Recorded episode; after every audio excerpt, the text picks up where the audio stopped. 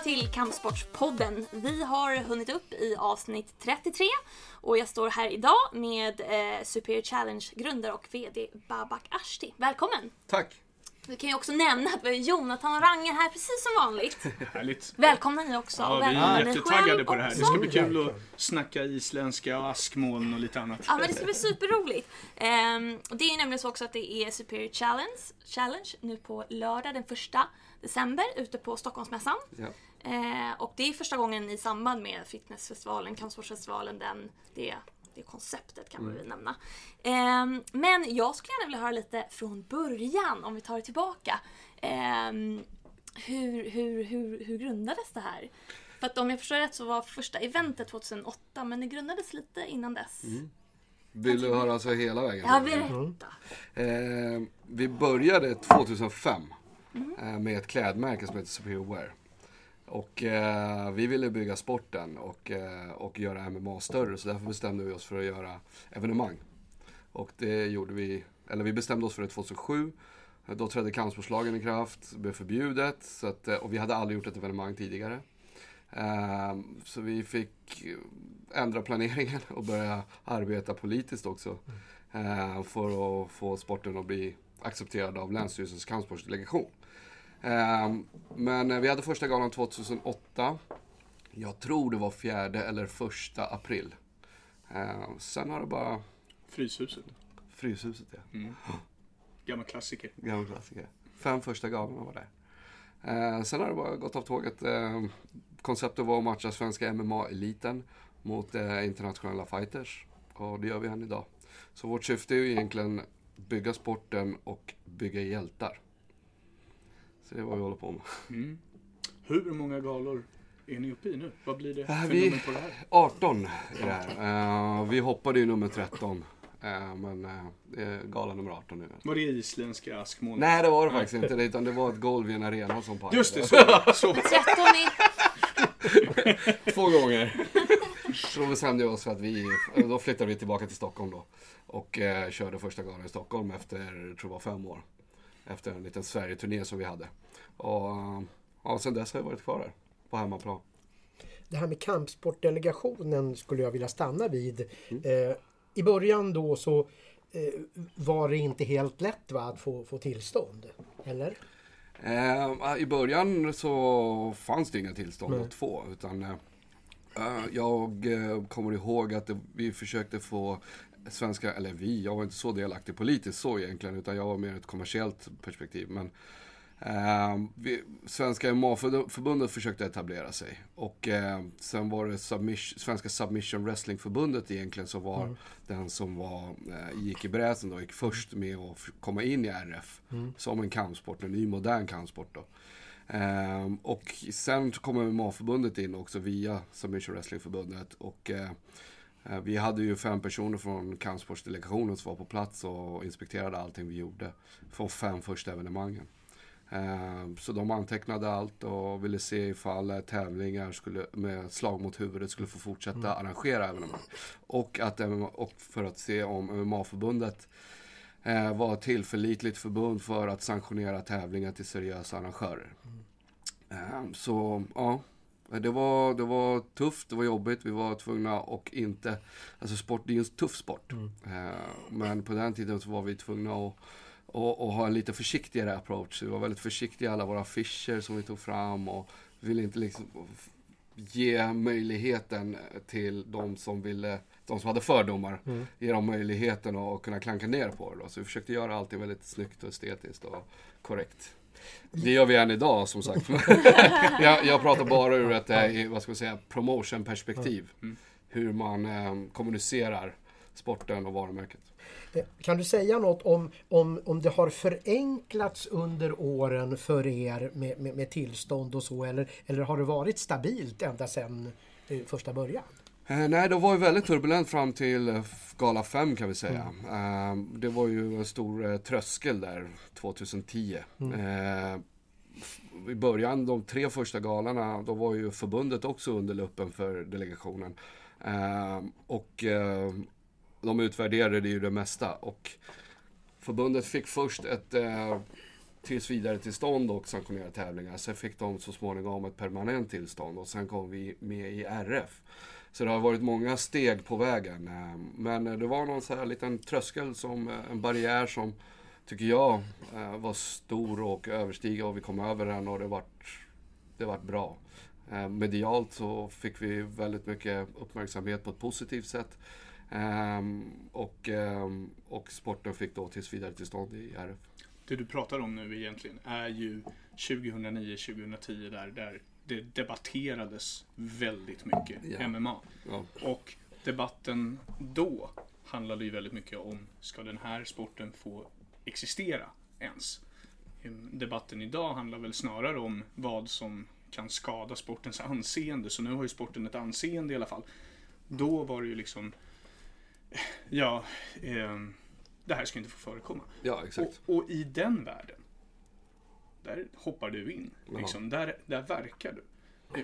Hur, är, hur var det att försöka bedriva någonting, både kommersiellt, eh, som du gjorde, och eh, att stå emot den stormen? Det måste ju varit alltså, jättetufft. Ja, det var otroligt tufft. Ehm, vi visste ju inte vad vi höll på med och jag skulle aldrig gjort det om jag visste vad vi hade att vänta oss. Utan, eh, när man väl satt i båten då var det bara att ro och, och se glad ut och försöka lösa det.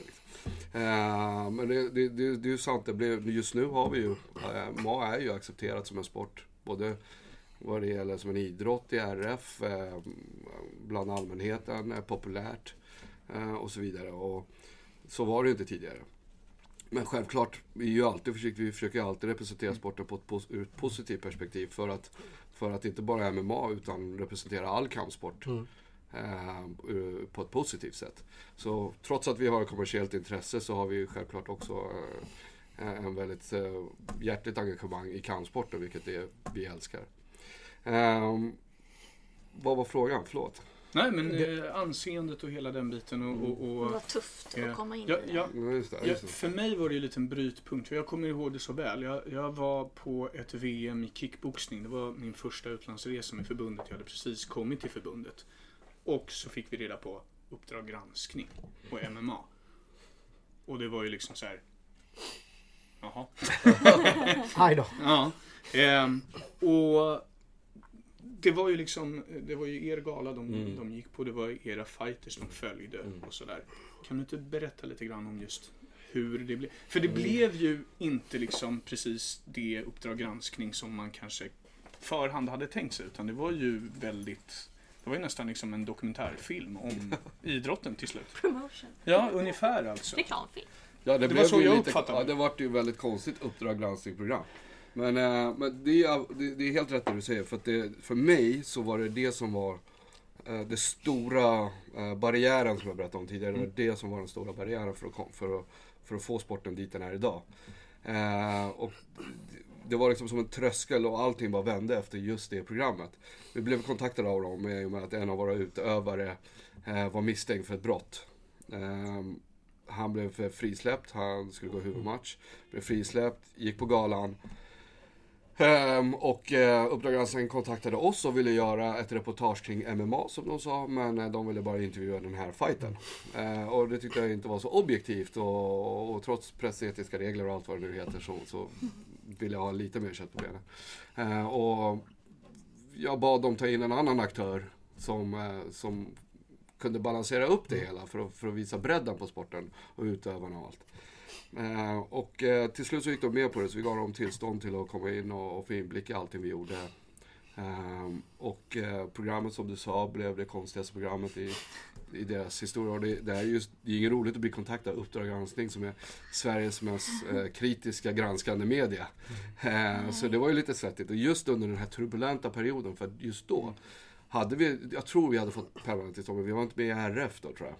Eller vi höll på att komma in i RF. Det var Jo, någonting som- jo, ni var med hos oss då. Var vi det? Ja, 29, absolut. Ehm, Ehm, Så att eh, det, det, det landade upp på vårt bord också. Karin Mattsson var eh, RFs ordförande då. Jag minns att hon var med i, i någon intervjuade. inter, Mm. intervju också. Och August Wallén var med i någon intervju och det var Sportnytt och det var, det var väldigt mycket där eh, ett tag. Men jag upplevde det som att när den väl granskningen hade liksom lagt sig lite så var det precis som att det var fritt fram för medierna att, och, att rent journal, sportjournalistiskt bevaka Mm. eh, idrotterna. Så det, det var ju liksom någonting som behövdes i maskineriet för att tvätta det hela på något sätt. Tidigare så var det ju mycket, man försökte, media, press och media försökte koppla MMA till kriminalitet eller våld eller gatuslagsmål. Bara negativa aspekter och man ville inte ge fighterna eller sporten en rättvis chans. Eh, och det kunde vara på grund av att eh, någon inte tyckte om sporten och, och satt på en eh, roll eh, där man kunde uttrycka sig medialt då. Eh, jag tyckte det var väldigt, väldigt orättvist och det var skönt att kunna få ge tillbaka med det här programmet och kunna liksom lyfta upp alla fördomar som fanns via, via en väldigt kritisk eh, källa och eh, kunna bemöta alla fördomar och visa att så, så är inte fallet. Och eh, efter, den, efter det programmet, jag hade ju mycket eh, badwill på mig innan jag blev nerringd av alla från förbundet och alla möjliga. Och, inte er då, utan MMA-förbundet. Om att jag hade förstört sporten och hur kunde jag tillåta det här? Och det, folk var oroliga, jag förstår det. Eh, Men jag var lite självsäker, jag visste att eh, vi har ingenting att dölja. Eh, Och, och det är lika bra att lyfta upp det här på, på, på det värsta möjliga sättet som finns för att, för att kunna bemöta det. Och, och, och det var ett sta, smart strategiskt val i, i, med facit i hand, men jag var själv, självklart också väldigt nervös. Eh, Men när programmet var över så var jag väldigt glad och det var skönt att få det överstökat. Då började vi få skriverier, det var sportreferat, man skrev om eh, utövarnas prestationer istället för att kop- försöka koppla dem till att det var någon med kriminell eh, koppling som satt i publiken. Och då byggde man hela reportaget kring, kring han som satt i publiken då, som man kände igen typ från något. Eh, men eh, nu vart det nu sportreferat, det blev, det blev idrottsliga prestationer, man pratade om evenemangen och om vad fighten gjorde. Så det vart en totalt ny vändning. Och det gjorde också att vi valde att gå upp till en större arena. Eh, när vi kände att ah, men nu är det här etablerat, nu är det här överstökat, nu kan vi satsa kommersiellt. Jag har en fråga som, som är bara så här otroligt direkt. Jag ser ju namnen då. David Bjälkheden, Niko Musoke. De var ju inblandade i en mixgala. Den där tyvärr Frida Wallberg blev knockad, fick sin hjärnblödning. Vad tänkte du då? Liksom apropå det här med kampsportdelegationen. Tänkte du att jösses, nu blir det svårt att få tillstånd? Eller hur, hur var din känsla? Ja, såklart. eh, Men för, det är inte det första man tänker på. Det första man tänker på är hennes Ja, hälsa. Mm. och att det var en väldigt olycklig situation och, och så. Men det, det, det var nog det som var egentligen det enda jag tänkte på till en början. Sen så tänker man ju på självklart repressalierna och för det som kan komma därefter. Eh, men, eh, och så länge, jag menar, det, olyckor finns i alla sporter. Mm. Eh, och det är inte det- bara kampsporter. Och då inkluderat brottning och, Mm. och, och, och boxning. Eh, som vi har skador, utan Mm. det förekommer i alla sporter. Och eh, f- till och med kanske överrepresenterat bland, bland eh, de mer populära sporterna, folksporterna. Eh, och eh, så, så jag känner inte riktigt att, att, att incidenter som kan uppkomma kan förstöra sporten. Men däremot om det är en arrangör som inte har skött alla bitar korrekt kan ju vara skadligt. Eh, för, för, för, för jag, det, jag, det, en sak i samband med det där är ju till dig som arrangör då. Jag funderade ju på om det var rätt gjort när hon hade gått i golvet för andra gången. Så var det så att man till varje pris skulle resa henne upp. Alltså om någon faller rejält på en fotbollsplan eller i en hockeymatch så tvingar man dem ju att ligga kvar därför att de vill vara säkra på att... Eh, och, och, och då när det gällde en, en sån där grej som hände, två snabba nedslagningar. Eh, hur känner du för det där hur de, hur de angrep problematiken?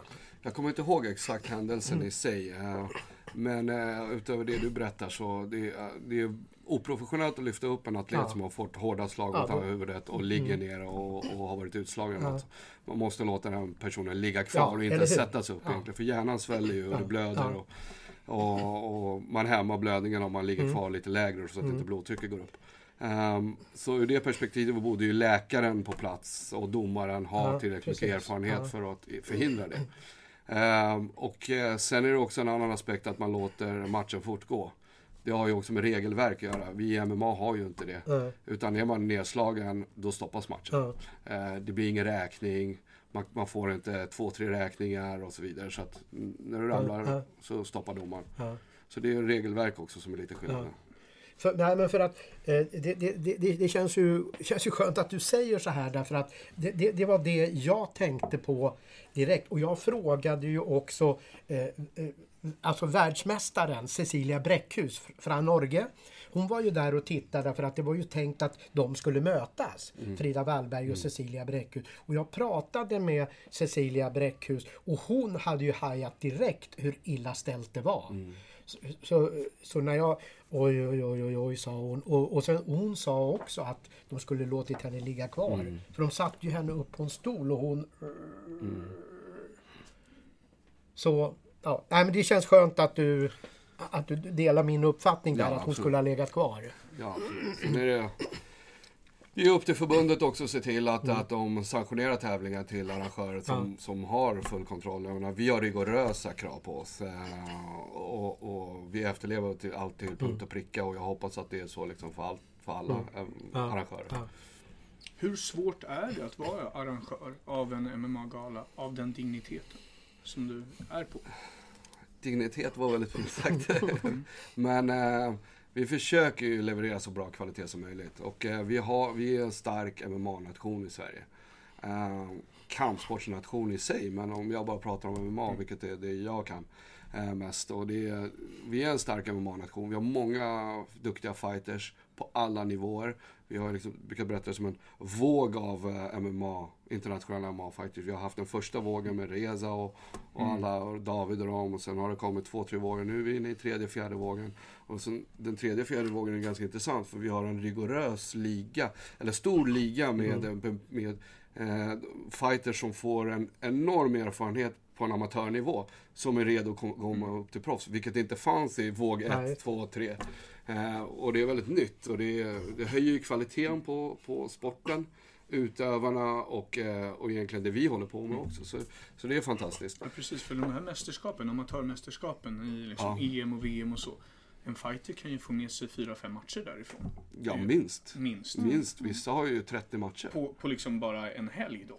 Nej, inte 30 men... Nej, nej, men alltså fyra, fem fyra, matcher fem. på en, ma- på en helg på, under en sån turnering Absolut. kan de ju få med sig. Absolut. Inte 30, det hade ju varit lite väl kanske.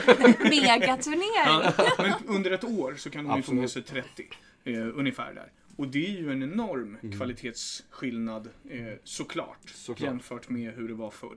Och det, det kan man ju se liksom, när, man, när man tittar på den, jag gillar inte det uttrycket, men den liksom moderna fighten eller vad man ska Ja. säga. Så finns det ju en helt annan eh, bredd i kvaliteten på vad de håller på med. Tycker jag Mm. Rutin fall. och erfarenhet, Rutin och erfarenhet. Absolut. Exakt. Och det är bra och det är jättebra ur ett säkerhetsperspektiv också. För att Mm. då är de redo någon gång går upp till proffs. Eh, Tidigare så var det också den här, om man ska säga den nya MMA-fighten. Eh, är ju också en MMA-fighter från början. Så de skolas ju Precis, som en MMA-fighter. Tidigare var det ju alltid från någon annan kampsport som då sadlade om till Mm. MMA och började tävla i MMA. Nu är det ju MMA-fighters direkt från början. Majoriteten är det i alla fall, 90%. Så det här är intressant. Mm. Vad var frågan? Jag glömde. Nej, Ja, det var jag som... Ja. Det, det är jag nu, som nu, vanligt. nu kommer en väldigt konkret fråga. När vi skriver den första december och det är dags för gala. Ja. Hur många timmar har du lagt ner på arbete med denna gala då? Oh, eh, fyra månader dygnet runt. Ja. Eh, det var väl lite din fråga också. Ja, Ja, precis. ja, men det, det krävs, det är jättejobbigt att få till en gala. Eh, det är så många aspekter som ska in. Eh, det, alltså matchmaking är ju en del av det. Du måste ju sitta och... Nu har vi ju 13 matcher. Det var 14, en föll bort. Eh, så det är, liksom, det är 26 fighters som ska matchas mot varandra och du måste studera båda aktörerna. Okej, det, det är ju enklare med de som är erfarna och meriterade, de vi har koll på, som har gått på Superior. Men när det kommer de här nya eh, på underkortet, de som vill liksom precis komma in till proffs eller de som har gått ett par proffsmatcher, det är mycket svårare. Eh, svårare att hitta material på, svårare att hitta information om. Eh, så bara matchmaking är enormt stort, eh, vilket jag har lite hjälp med också nu. eh, Sara Wahlberg hjälper ju till, hon vill ju bli trainee, vilket är ganska coolt för hon hon är ju eh, den första kvinnliga matchmakern vad jag vet. Eh, som har gått in i MMA. Eh, jag tycker det är ganska coolt. Så att, eh, jag har lite avlastning där, men sen har vi ju massa andra aspekter. Vi har ju det, PMS, och marknadsföringen, sälj, både biljetter och när det gäller eh, sponsorer. Vi har ju TV som är ett stort ben. Och, ja, men det är många aspekter som måste klaffa och, och det, man ser ju inte det för att eh, allting, allting byggs ju upp i en tratt till några timmars evenemang som du var inne på. Mm. Det är lätt att in, inte se, helt, eller det är omöjligt att se allt arbete bakom. Ja, precis, för vi kom ju dit eh, som åskådare de allra flesta av oss. Eh, alltså betraktare rent enkelt. Eh, och sitter ju där och blir underhållna i 4-5 timmar och tänker Jaha, ungefär. Eh, nej men ja. så, så är det ju lite krast. Och därför är det så viktigt tycker jag att man får en inblick och en insikt i hur mycket jobb som verkligen ligger bakom de här äh, mm. fantastiska eventen som vi, som vi liksom bara blir serverade för några hundralappar. Mm. Eh, det, det, tycker jag är alltså all heder. Och det är all heder till alla som orkar hålla på och arrangera sådana här eh, galor. För det, alltså det, är, det är inget enkelt arbete. Det är oftast ekonomiskt ganska ofördelaktigt också. Eh, och eh, det är, som du säger, jag menar, fyra och en halv, sa du det? Fyra och en halv månad? Ja, fyra månader. Alltså, ja, det är ju... vi, alltså förberedelserna pågår egentligen i sex månader. Om man ska ta intensiva perioden så är det fyra timmar innan evenemanget. Och då, då har ju du liksom ett jobb vid sidan om, ja, du har ja, familj och ja, du har liksom hela den biten också. Så det är som en äh, dyr hobby, brukar jag säga. Men hur blev du så hängiven den här grejen att, att arrangera Superior-galor? Alltså med, med, med, med, bakgrund av att du har jobb, familj, barn. Jag, jag menar, det är ju en match som heter duga. Jag älskar ju kampsport. Jag har hållit på med olika kampsporter själv hela mitt liv. Jag kommer från en kampsportsfamilj. Båda mina morbröder var, var tävlade inom boxning och taekwondo. Eh, så jag är uppvuxen i en kampsportsfamilj. Eh, jag, jag, kan inte sitta och titta på UFC och, och, och gamla Pride FC med min mamma till exempel. Och, eh, så att vi har ju det där i familjen. Så för mig har det varit naturligt på något sätt. Fast jag, kom och, jag, jag förstod det kanske för åtta år sedan. Jag visste inte varför jag själv började med det här. Eh, så jag ville egentligen göra något som jag älskade. Eh, så jag kombinerade kläder och, och kampsport och egentligen på den vägen ner och nu gör vi evenemang. Helt galen väg men eh, det, det, jag älskar det jag gör och eh, det är det som driver mig. Det är på något sätt som ett arv för dig från familj då, morbröder och så? Ja, vad indirekt så är det väl absolut, ja. Men MMA i den eh, moderna tappningen fanns ju inte då. De visste inte om det då. Men jag blev ju intresserad till MMA i början på 2000-talet. Jag tror 2002 och liknande. Eh, och blev kär i komplexiteten i, i sporten. Och, eh, och eh, nördade mig, ner mig ganska hårt i sporten och började träna väldigt mycket själv och, och la ner liksom all tid på det egentligen. Sen så började jag utveckla företag i samband med det mm. och träningen blev lidande. Och det är därför jag är så tjock idag. Hur bra MMA-utövare ska du säga att du själv? Att jag var? Ja. Ah, inte så bra. Jag gick aldrig en proffsmatch. Men jag, jag körde ju 16 timmar i veckan typ. Och, eh, och körde stenhårt och försökte, försökte få mig, eh, testa mig själv mot större aktörer. Och, och så. Så det var... Ja, det, För du är ju matchmaker tänker jag. Ja. Eh, också.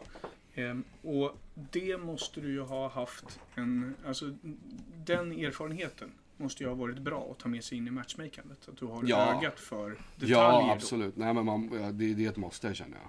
Mm. man, måste ha, man måste veta. Och sen så är det också... Eh, alltså älskar man sporten och nördar ner sig i den och då, då börjar man ju också se det som en konsument. Vilket också är väldigt, väldigt viktigt tycker jag. Mm. Eh, det kan ju vara utövare som inte, eller det kan vara folk i situationer där de har en roll som till exempel en matchmaker eller liknande där, där du kanske inte har utövat just MMA själv.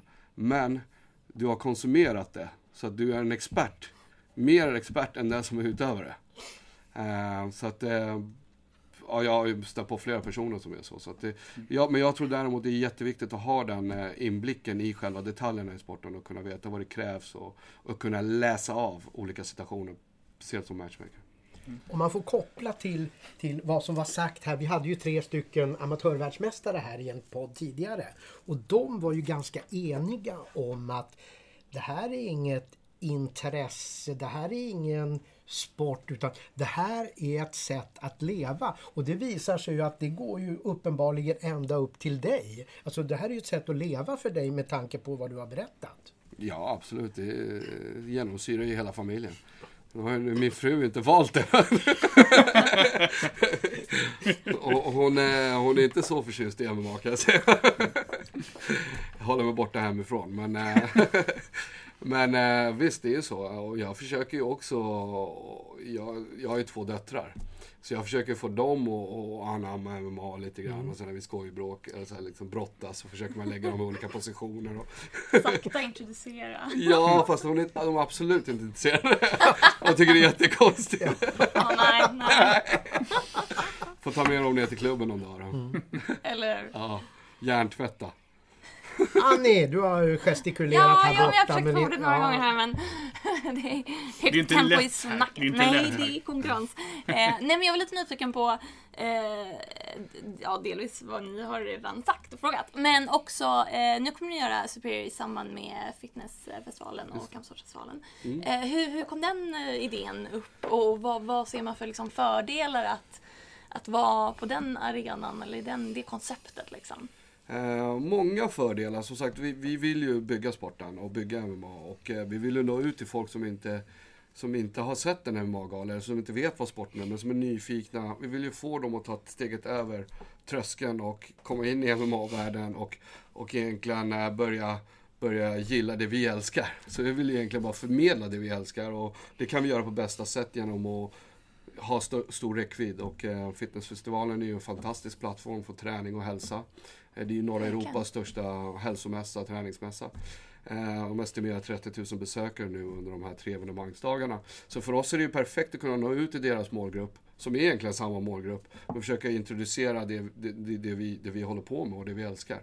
Eh, Så det var ju ett led i det. Sen hade jag och Ove Rytter ett möte för ett år sedan cirka, eller två år sedan. Eh, Där vi hade vårt första invägningen på förra galan. Eh, nej, för förra galan var det. På fitnessfestivalen på stora scenen. Det. Och eh, det samarbetet har ju då fortsatt och nu är det en kille som heter Christian Servén som sitter ansvarig Stockholmsmässan för fitnessfestivalen eh, och han är superduktig och det är jätteskönt att jobba med honom. De är så proffs allihopa så det är skönt att ha med proffs att göra faktiskt. Jag tror att det här är en fantastisk konstellation för, för både MMA och för oss. Vi kommer kunna nå ut till en bredare målgrupp och vi kommer kunna eh, relateras med en trovärdig och, och stark partner som fitnessfestivalen. Och hur har det gått med förberedelserna och sätta ihop eh, fightcardet? Jo då, det var sista, match, sista matchningen höll jag på med faktiskt i måndags eller igår. Eh, så det var en förmatch, Daniel Petrus, som varit inställd faktiskt. Det var 93 kilo amatör eh, som är på väg upp till proffs, så den fick vi ställa in. Så det var sista i matchningarna. Så det pågår ju, förhoppningsvis ta i trä. Ta i trä. Så händer ingenting nu sista veckan, men det är oftast de två sista veckorna som alla informationen kommer fram till oss om skador och bortfall. För de fighterna oftast väntar ju in i det sista för att se om det går över eller om de blir friska eller något sånt. Och sen får man det Sista. sista. Följer du liksom väderleksrapporterna runt Reykjavik nu någonstans? Nej, jag gör faktiskt det. Det är ingen idé. Men, men däremot är det så här, vad som helst kan ju fortfarande hända. Vi har ju haft uh, olyckor där main events eh, har lemlästat sin hand på evenemangsdagen. Vi har haft eh, en bur som har, som har fastnat i snöstorm i Atlanten. Vi hade ju rök, golv som pajade ena helt en hel arena. Och Rökmoln. rökmolnet från, vad hette den här vulkanen? Är det Nej, nej, nej. nej, nej. Ja, strunt samma. Ja, nej. Vulkan. Ja, vulkanutbrott i alla fall. ja, Var det? Ja, ja. Ja, vi har haft massor med konstiga grejer. Så att, eh, vi har haft fighters som har liksom, för, de, de fly, det är ett steg att få dem att komma på planet så det är en trygghet. Sen när de väl har landat så är det, så är det liksom, tills de kommer till hotellet så är nästa steg och det är en trygghet till. Sen, Bara alltså, vakter runt Ja. Nej, nej, nej. Jag smakar kaffet nu. Ja, det är lagom varmt. Eh, Vi hade en fighter som kom från Brasilien och kom sent och, och kom till Malmö. och hade inga, inga batteri i sin telefon. Jag tror hans bagage inte kom med på planet. Och han hade ingen telefon eller någonting och han var mörkhyad och försökte få någon att låna en telefon från någon för att ringa oss. Så att eh, han försvann och vi hittade honom fem timmar senare när, när en eh, väldigt snäll herre eh, hittat, hade hittat honom och hjälpt honom då till vårt hotell. Eh, så han räddade main eventet dagen innan galan. så det har hänt mycket galna saker faktiskt. Men Babak, för de som inte är vana vid MMA, det är ju en praktfull skara matcher som radar upp sig. Om man går på den här galan, hur lång tid ska man räkna med att det tar till man får se main event? Sköld mot Kvarnström. Ehm, ja, vi kan ju alltid estimera tider. Det är svårt att säga. Ja. Vi har haft evenemang som har tagit slut på två timmar. Och vi har ju oftast, vi bygger upp, ibland har vi förmatcher. Mm. Vilket vi har nu, vi har en förmatch. Ehm, sen har vi sex matcher på underkortet, sex matcher på överkortet. Och överkortet är delat på, ja, Mm. det är tre matcher, sen kommer två stycken co-main event och sen ett main event. Mm. Så så ser upp, uppbyggnaden ut egentligen. Första förmatchen börjar 18.00 och sen en liten paus. Själva galan börjar 19.00. Och pågår egentligen fram tills det är slut. Eh, Vi har en hålltid, vilket är 21.30 vi ska hålla. För galan kommer gå live på Viaplay i hela Norden från 19.00. Och, även, och globalt utanför eh, Viaplays region så sänder vi via Fight TV eh, över hela världen. Sen pågår det fram till 19.30 eh, 21.30. Då ska vi gå live i TV10.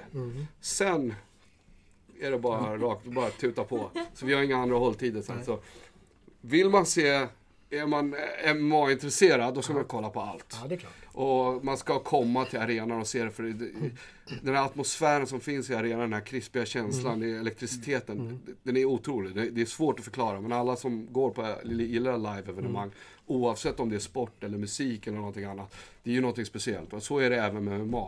Och känslan förstärks ju tusen gånger mer. Och speciellt om man har sett det i TV och gillar det, då ska man verkligen komma och titta på det live. Eh, Men eh, som sagt, kom och titta på hela galan. Det är få idrotter som gör sig så bra. Mm. Som, eh, alltså live. Live. Som eh, kampsporter, Ja. skulle jag säga. Jag menar, du kommer så nära. Så Det är- spänningsmoment. Det är så spänningsmoment. Det är ju liksom, det, det är tvära kast. Alltså det, det kan... Mm. Vad som helst kan hända. vad som helst kan hända. Vem som helst kan vinna när som Mm. helst. Eh, också. Och en match kan vara slut när som helst. Ja. Det finns många sådana här saker med kampsporter som, som är lite utstickande så eh, ur den eh, ordinära idrottsdramaturgin om man säger Mm, så. absolut. Och det gillar jag. Absolut. Det Och- tror jag många gillar. Det är därför kampsporter är så Ja, populära ja. När man, alltså som live-event. Jag gillar ju så också lyfta, jag tycker en viktig aspekt är ju fighterna, atleterna i det här. Ja, Och när man, när man är live på plats och ser liksom hela showen och, och, och verkligen får liksom närkontakt med fighterna och vad de utsätts för. Och eh, att de är så blottade för hela världen egentligen. Och de går in och gör det själva. Det krävs ju någonting speciellt. Och det är just den skarpa edgen som vi försöker förmedla. Och det är den som vi försöker eh, lyfta i fighten då. Det, är- det, det, det, det är inte vanliga idrottsmän, de har någonting extra. Jo, och sen är det ju också, eh, när vi pratar om live-event, att det, det, man får en helt annan stämning. Man får ju uppleva det här, man kan se nervositeten inför, eller när man är taggad. Man kan se också en konkurrens mellan motståndarna. Alltså, det finns ju något som man aldrig kan se på en skärm. Nej, Kärleken efter match. Ja, det, det är Ja. med. Liksom, en skärm kan liksom inte fånga alla de här olika momenten. Nej. Nej, Det är svårt att förmedla atmosfären via kabel. Ja, ja det, det, Eh. det är något speciellt. Ja, ja verkligen. Det jag fascineras enormt av, det som de här MMA-fighters man har snackat med.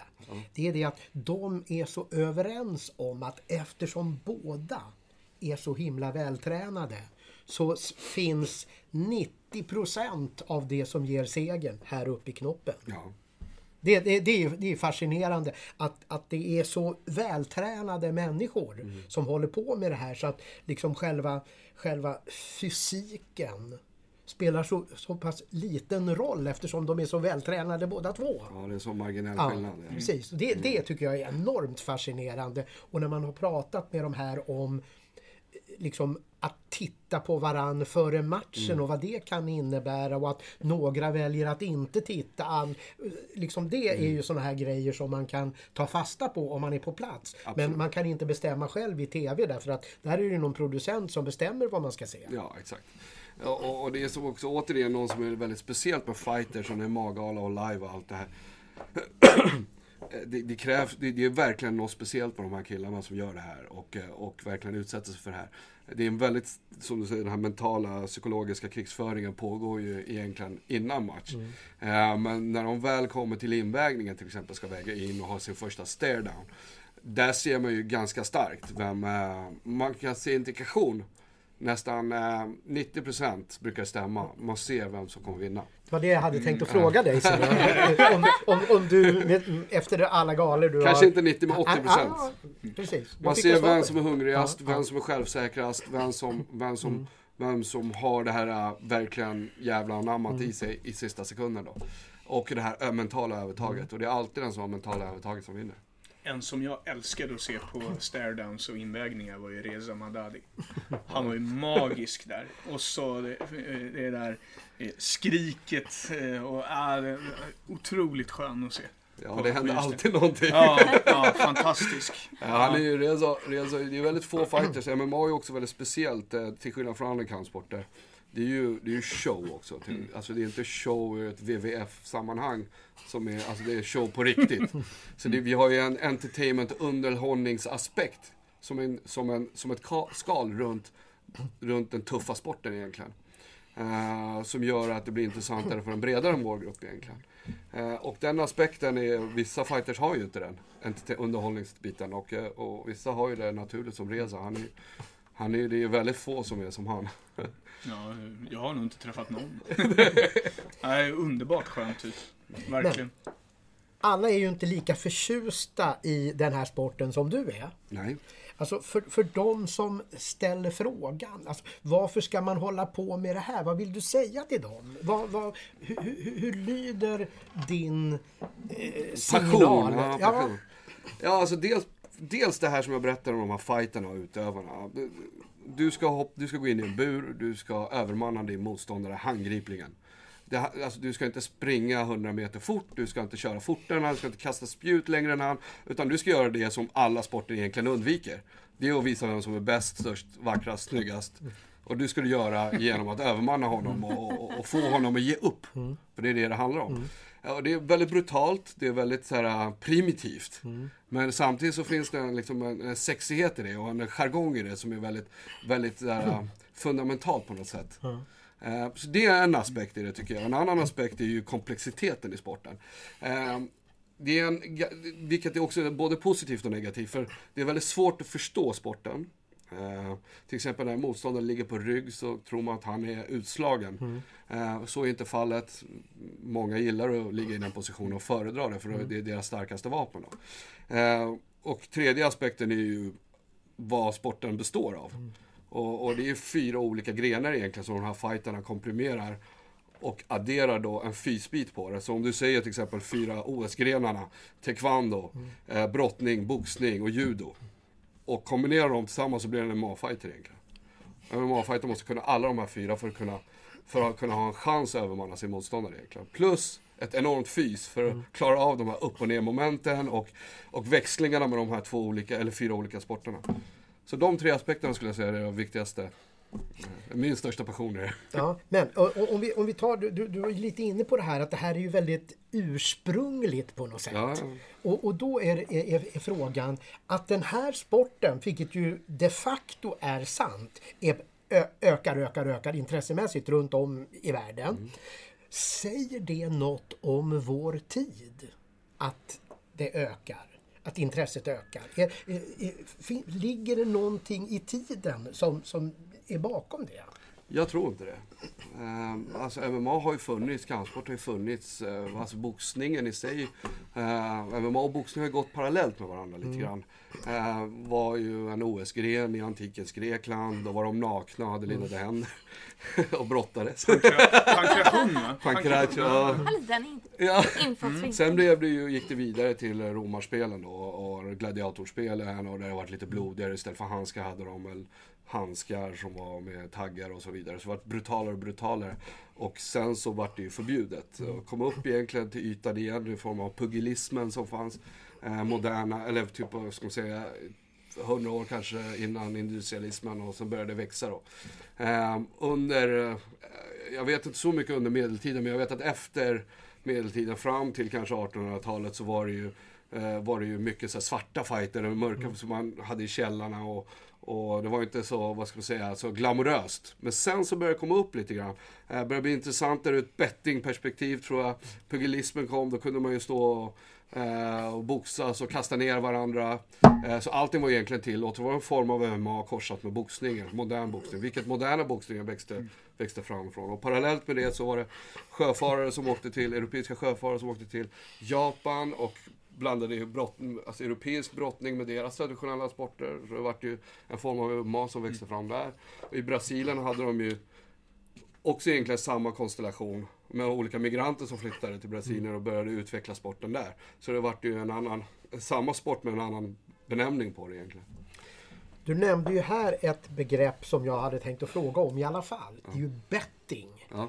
Det, det är ju numera mycket snack om uppgjorda matcher och så. Finns det någon historik som, som säger att eh, vi har inte haft några uppgjorda matcher i MMA eller hur, hur, hur ligger det till i det sammanhanget?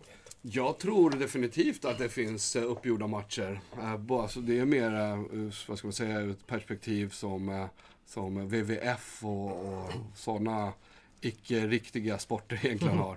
Eh, så jag tror absolut det finns och det är väl ingenting att hymla om. Men jag tror inte det är ur ett bettingperspektiv utan det är nog snarare ett promotionperspektiv för till exempel större evenemang. Tror jag. Eh, På mindre evenemang eller på evenemang som är på Superiors nivå finns det inget intresse varken av en fighter eller någon annan. För det, det är inte de pengarna som är involverade.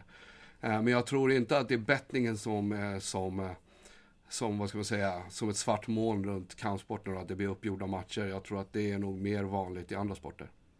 Jag tänker det här med, med att, att, att, att det krävs tillstånd.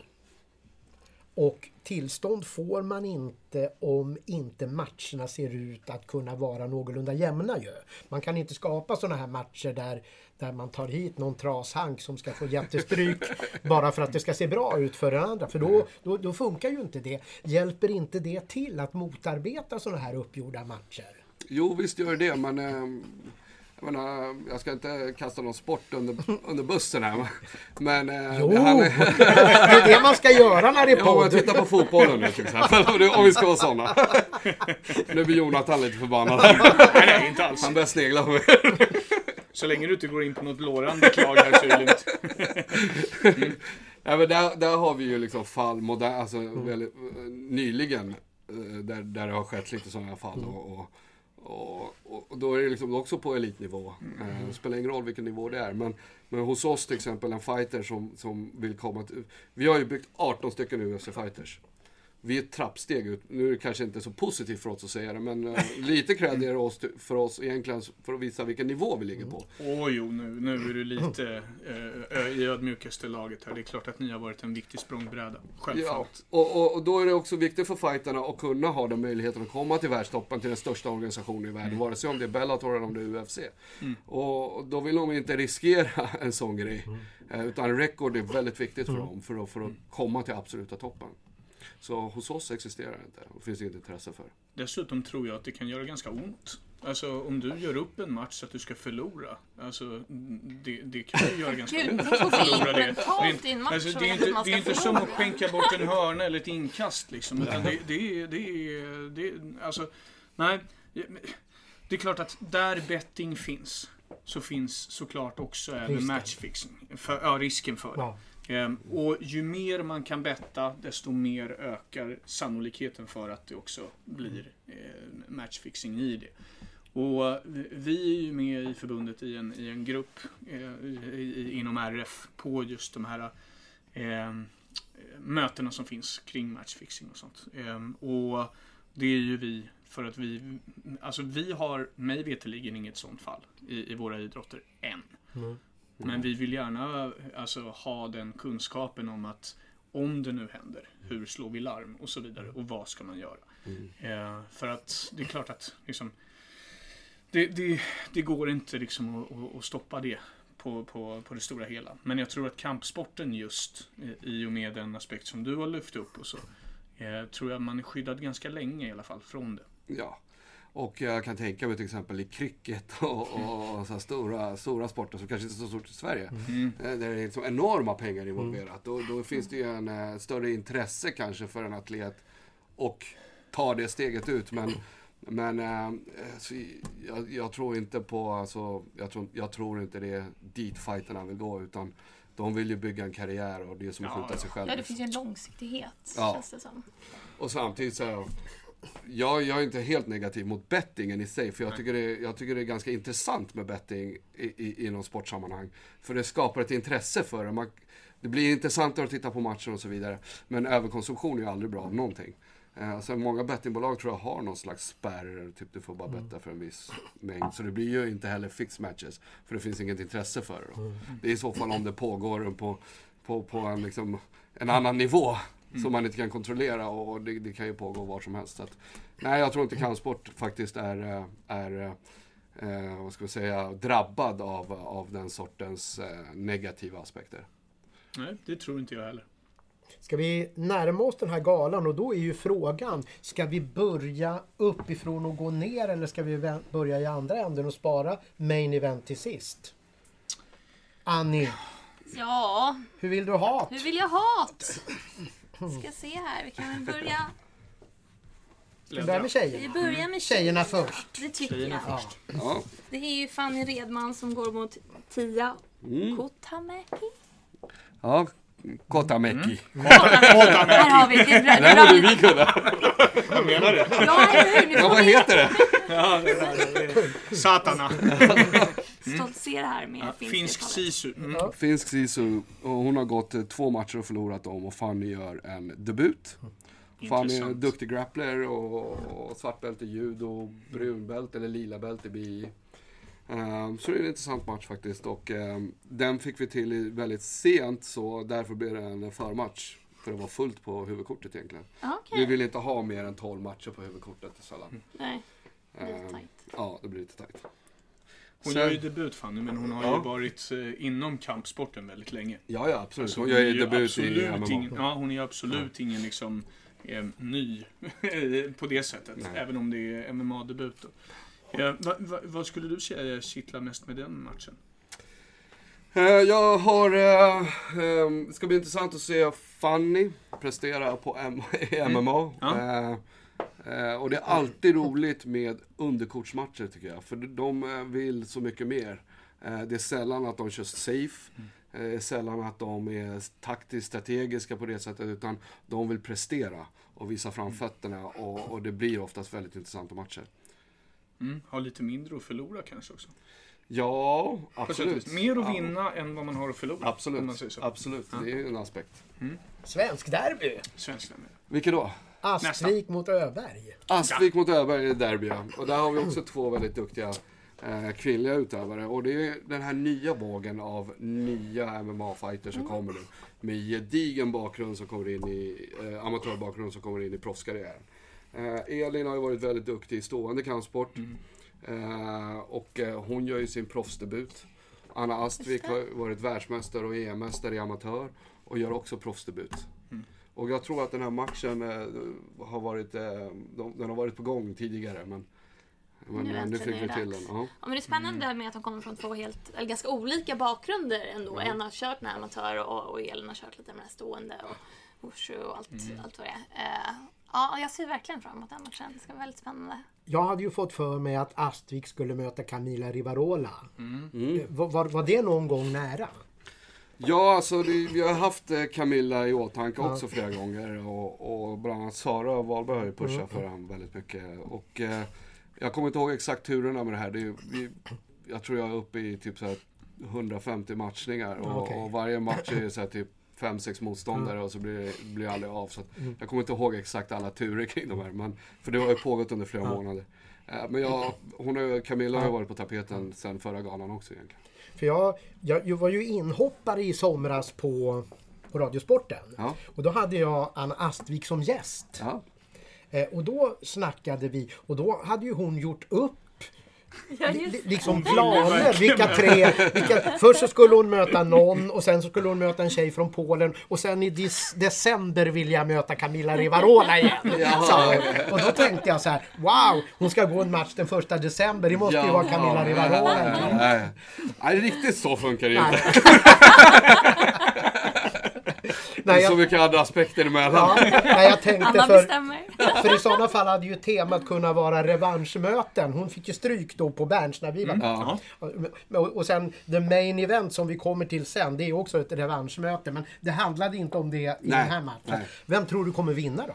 Ja, det är väldigt oprofessionellt av mig att säga det. Så jag måste ju nästan vara lite... Ja, då får Jonathan säga det. Jag tänker på Öberg och, och, och Astvik. Ja. Otroligt svårt och alltså. Jag såg ju Elin Öberg i VM i Malaysia i thaiboxning när hon var junior första gången. Imponerades eh, eh, alltså djupt av henne då. Jag tänkte, jag, jag kommer ihåg eh, liksom, hur, hur jag hörde att någonting smattrade i bakgrunden när jag kom ner från hotellet och skulle se en träning då. Och jag var helt övertygad om att det där ljudet, det måste ju ha varit Elina Nilsson som sparkar Ah, eh, på Mills. Så jag går runt, eh, runt hörnet och tänker Ja, vad bra. Nu, nu fångar jag Elina liksom och så får jag tid att prata lite med henne efter det, träningen kanske. Och så ser jag liksom en tvärhand hög junior och tänker Helvete, vem är det där?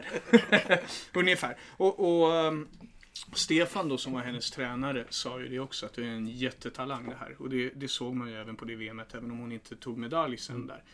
Men ehm, hon har ju gjort wushu, eh, tagit wushu-medaljer och sådär efteråt och varit liksom frekvent duktig. Vi Eh, såg henne i Örebro också. vi såg henne i Örebro ja.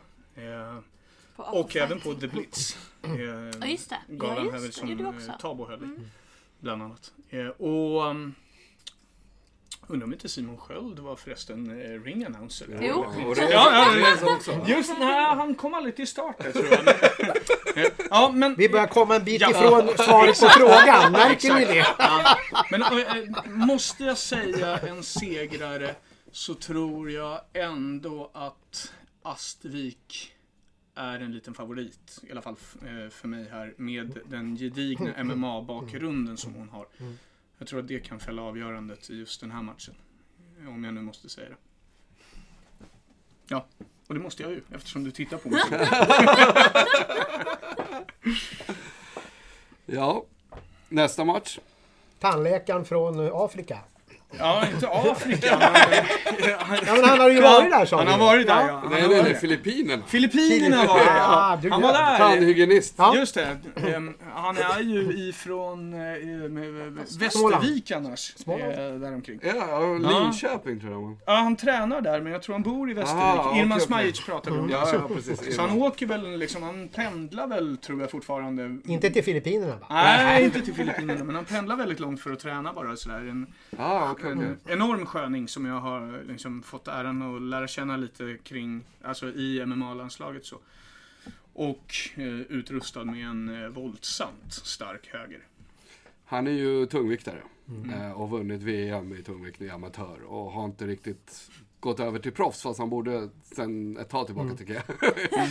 Men nu kommer han till skott i alla fall. och han är väl som du säger väldigt, väldigt rolig karaktär. Väldigt skön figur. Eh, Snäll. gott hjärta. Ja. Han var i Filippinerna med tandläkare Utan utan, gränser. gränser. Och eh, körde någon, eh, han slog ut tänder på dem och sen så fixade han dem efteråt.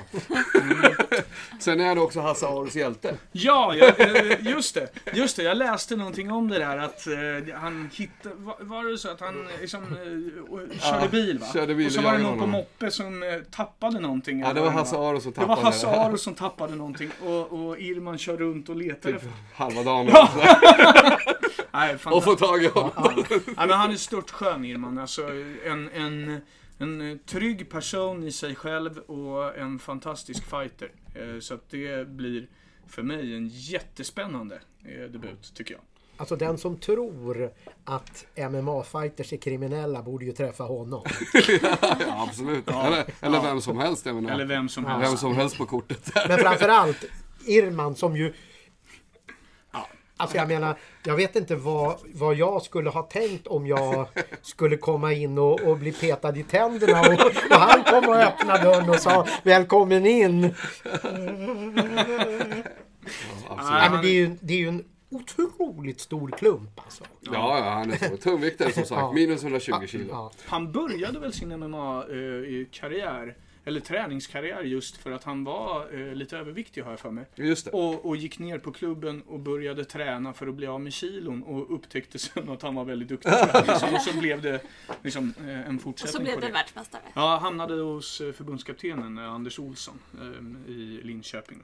Viaplay, jag jag gör inte reklam nu, men Viaplay har ju faktiskt gjort en intressant intervju med honom. Mm, mycket, Ett klipp som mycket. kommer komma ut i, i, idag. Jaha, okej, det var inte den jag tänkte på. Nej men det är en story som är eh, Fantastiskt. med bland annat Irman då, så det är några andra. Ja, kul. Han möter ju Malik. Mal Precis. Malik är en väldigt hårt slående kille. Ja. Eh, han, han är kortare än Irman, men eh, bred.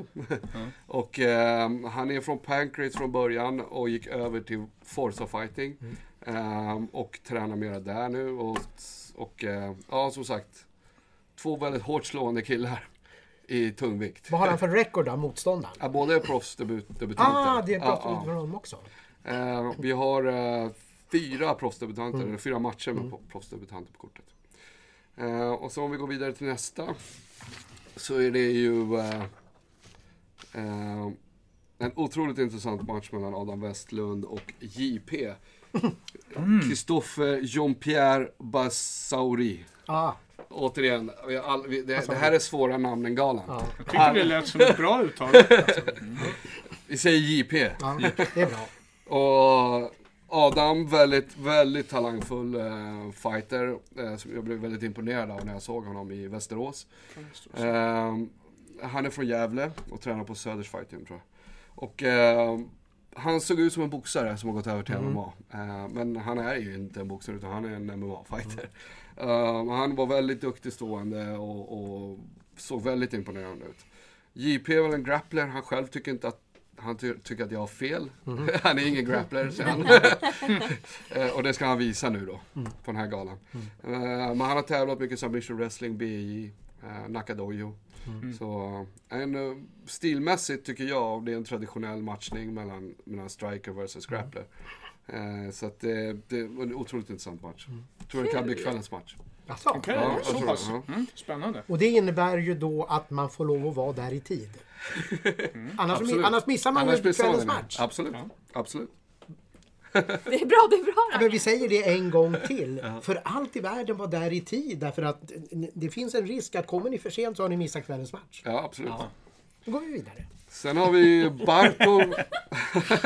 Sen har vi Barto Vojcicevic från Forza möter Lukas Tenorio som är brasse.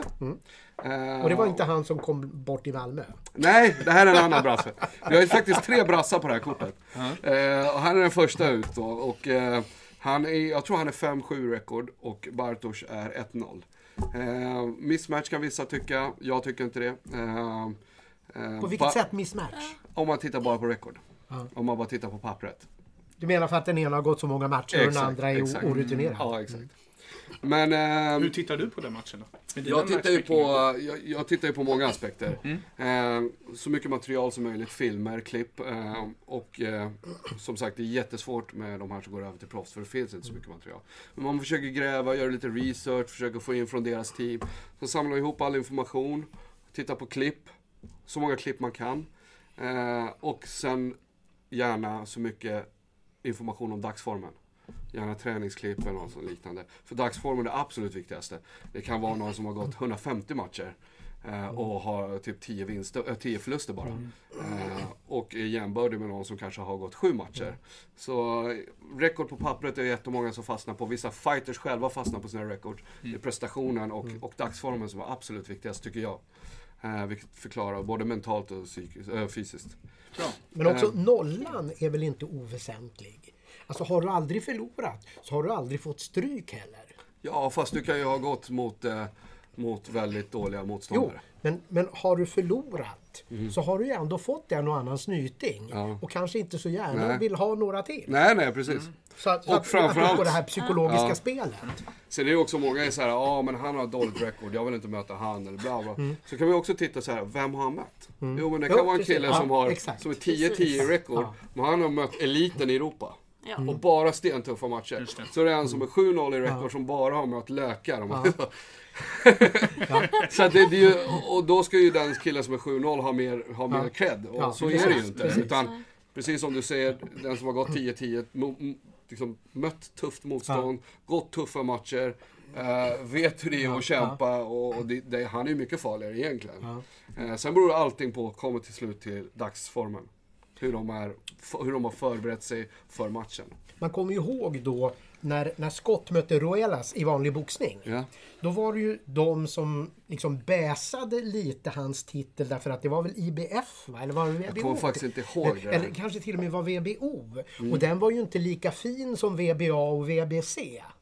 Men den han slog var ju fasen Rafael Roelas som ju hade varit upp mot De La Hoya. Ja, precis. Så att jag menar, just det där som du säger, Mm. att det är mycket, mycket viktigare vem man har fightats mot Ja. än att det är... Men man kommer ändå inte ifrån det där att, att så länge man har noll Mm. så måste man nog ha det lite med sig i bakfickan när man, när man går in och tittar på den andra. Att jag har inte förlorat än. Nej.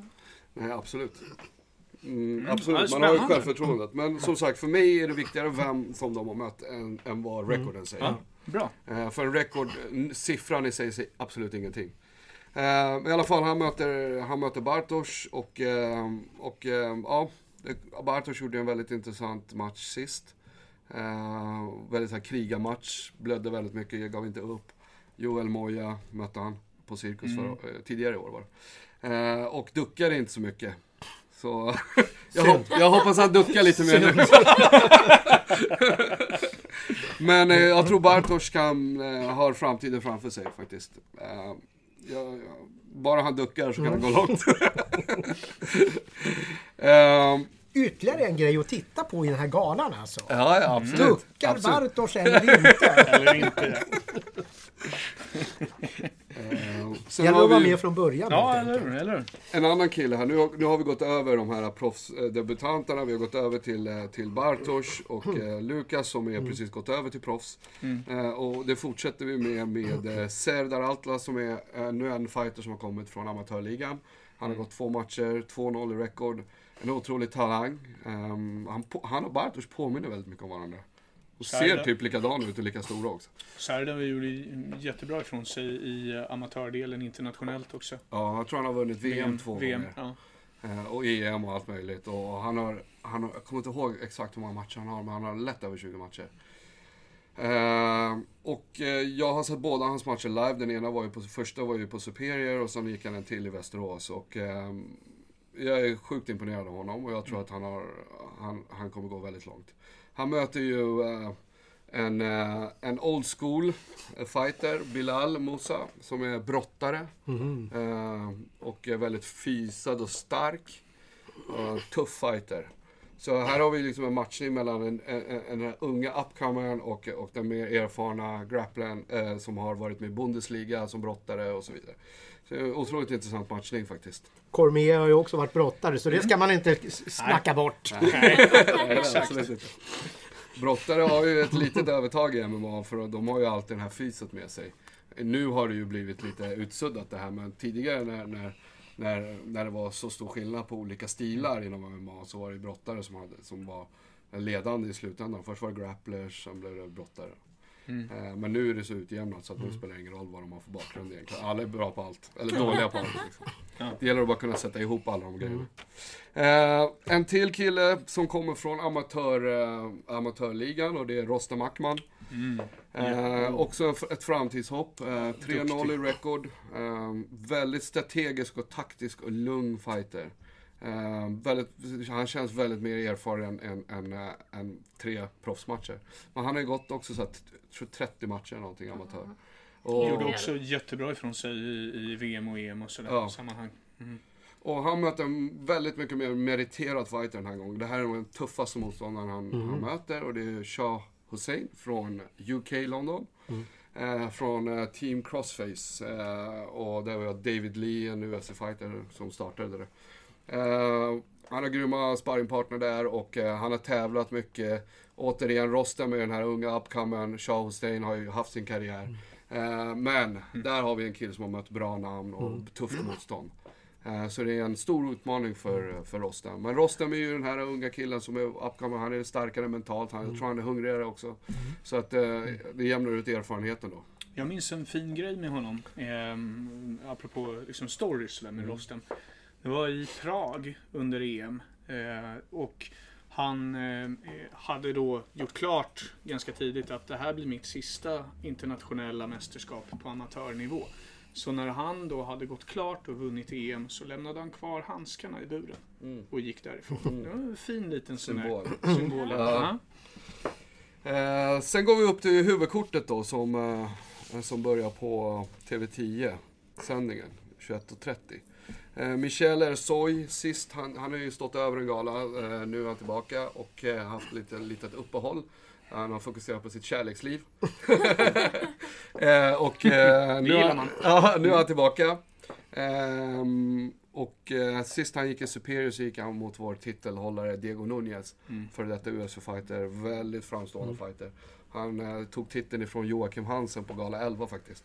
Så det är ingen dålig bedrift. Och Michel mötte honom på förra galan och, eh, och gjorde bra ifrån sig tycker jag. Och jag tycker att han ska vara glad för sin prestation. Eh, Mm, verkligen. han var lite för på och, och gjorde misstag som i slutet på, eller i mitten på andra ronden som gjorde att han förlorade dem. Men hade han haft lite mer is i magen så hade han nog eh, gått mycket längre. Så att jag tycker han ska vara absolut stolt över den prestationen.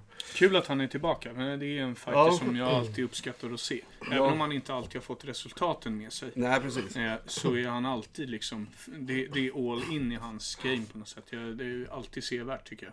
Och sen möta en sån fighter som Ja. Diego Nunez också. Ja, det är inte lätt. griller i huvudet på honom, bara Ja. det. Men han var taggad. Jag har aldrig sett honom. Och, och Michel är ju sån här, han började ju på Forza när han var typ 16-17 år.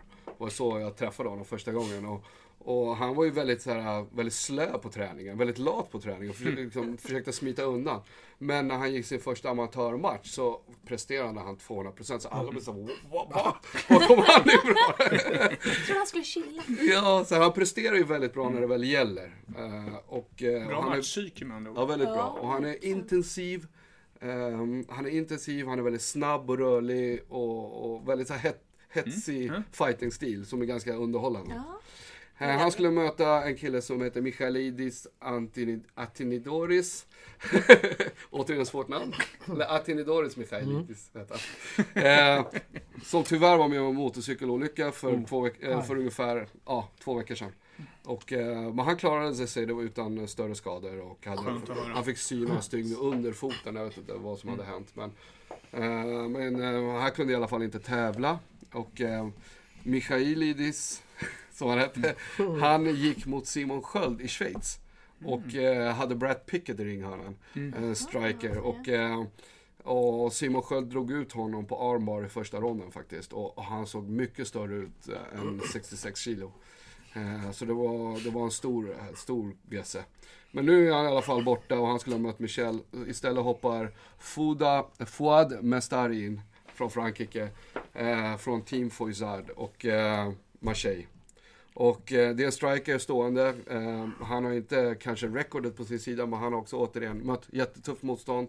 Och, eh, och han, eh, han riskerar väldigt mycket när han kör. Så det här kommer bli en superintressant match tror jag. Eh, Det låter väldigt underhållande de två stilarna Ja, absolut. Och han tog ju matchen med eh, 10 dagars varsel. Så det är Tufft. all cred till honom. Ja, verkligen. Bra. Nu kommer din favorit, Kutateladze. Med namnet. Ja, återigen ett svårt namn. Goram, han är ju stenhård. Oh ja. Eh, Lätt att tycka om. Ja, stenhård, bryr sig inte vem man möter. Det är någon sån här Malmö-drag tror jag.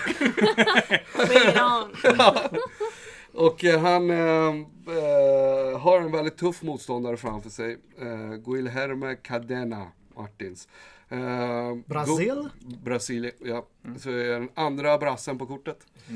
Eh, jag tror vi har totalt åtta nationaliteter på det här kortet. Eh, och det är tre fighters som är från Brasilien. Eh, Goram skulle ha mött en annan motståndare, nu har jag tappat tråden helt.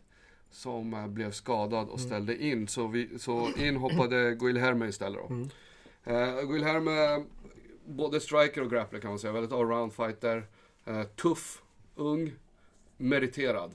Eh, återigen, hans rekord är liksom 19-12. Eh, Men det för mig bevisar det, och vilka han har mött bevisar att han, det här kommer bli tufft för Goram.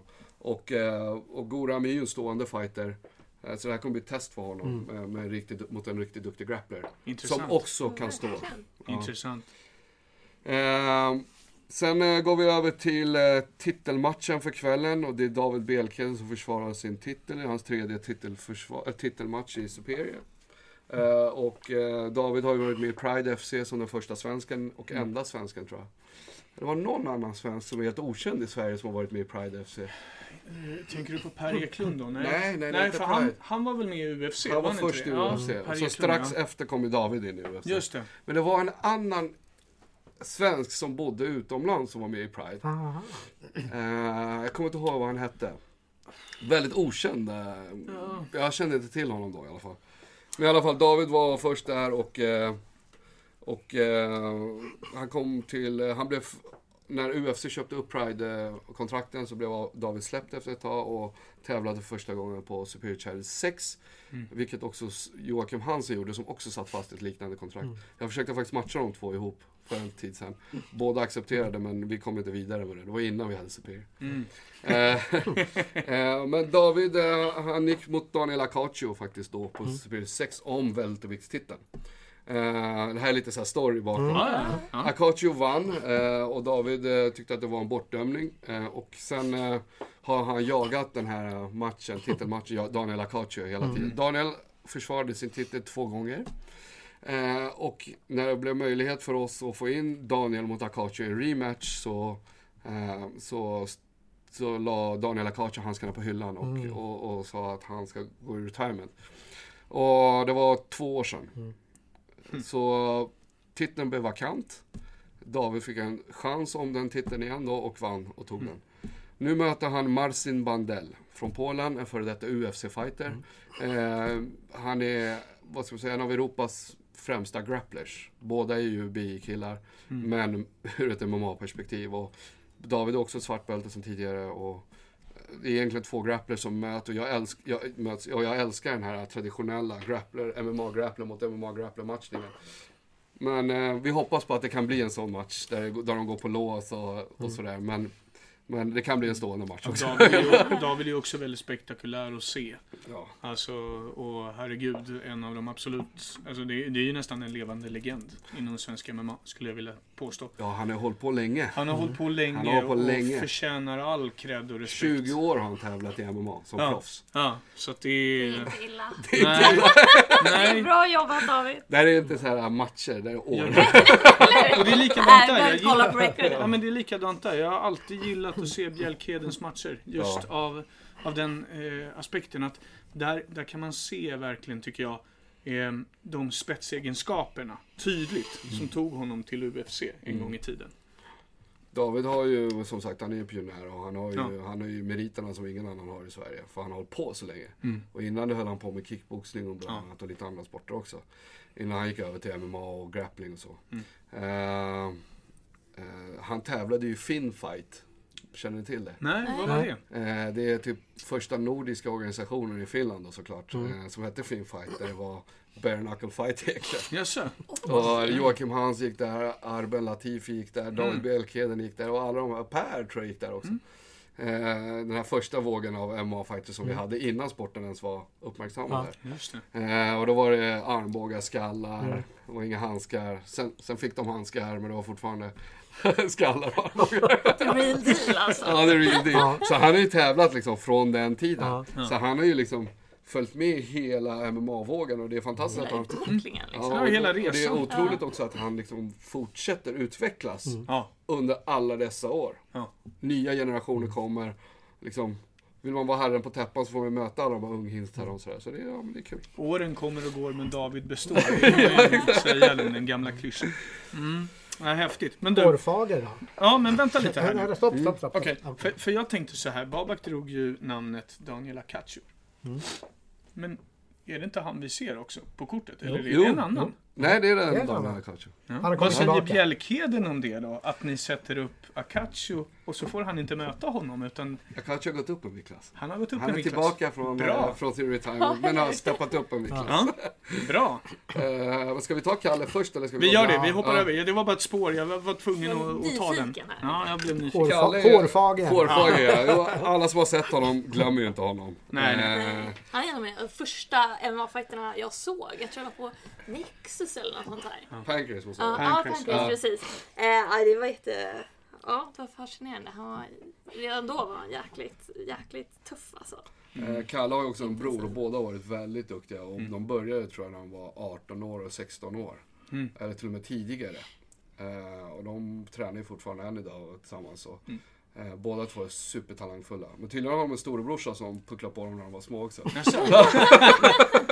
Det är Fighting så man familj. ska liksom byggas som fighter. den Ja, som också, bästa. har, som har också varit involverad i Men kampen. Kalle är ju en skön, skön karaktär alltså. Superskön karaktär. Ja, och och eh, det, är ju, det är ju alltid, där är det ju också alltid underhållning. Ja, I, verkligen. i, både på och utanför skulle man vilja Ja, säga. absolut. Och han har ju förstått det här med showbiz och, Ja. och hur man ska lyfta sitt eget varumärke för att bli igenkänd och ihågkommen. Och han gör det helt rätt. Och han har anammat lite från den här japan, för han har tävlat i Rising. Mm. Vilket är typ en ny tappning av Pride FC som blev Dream FC som är nu Rising.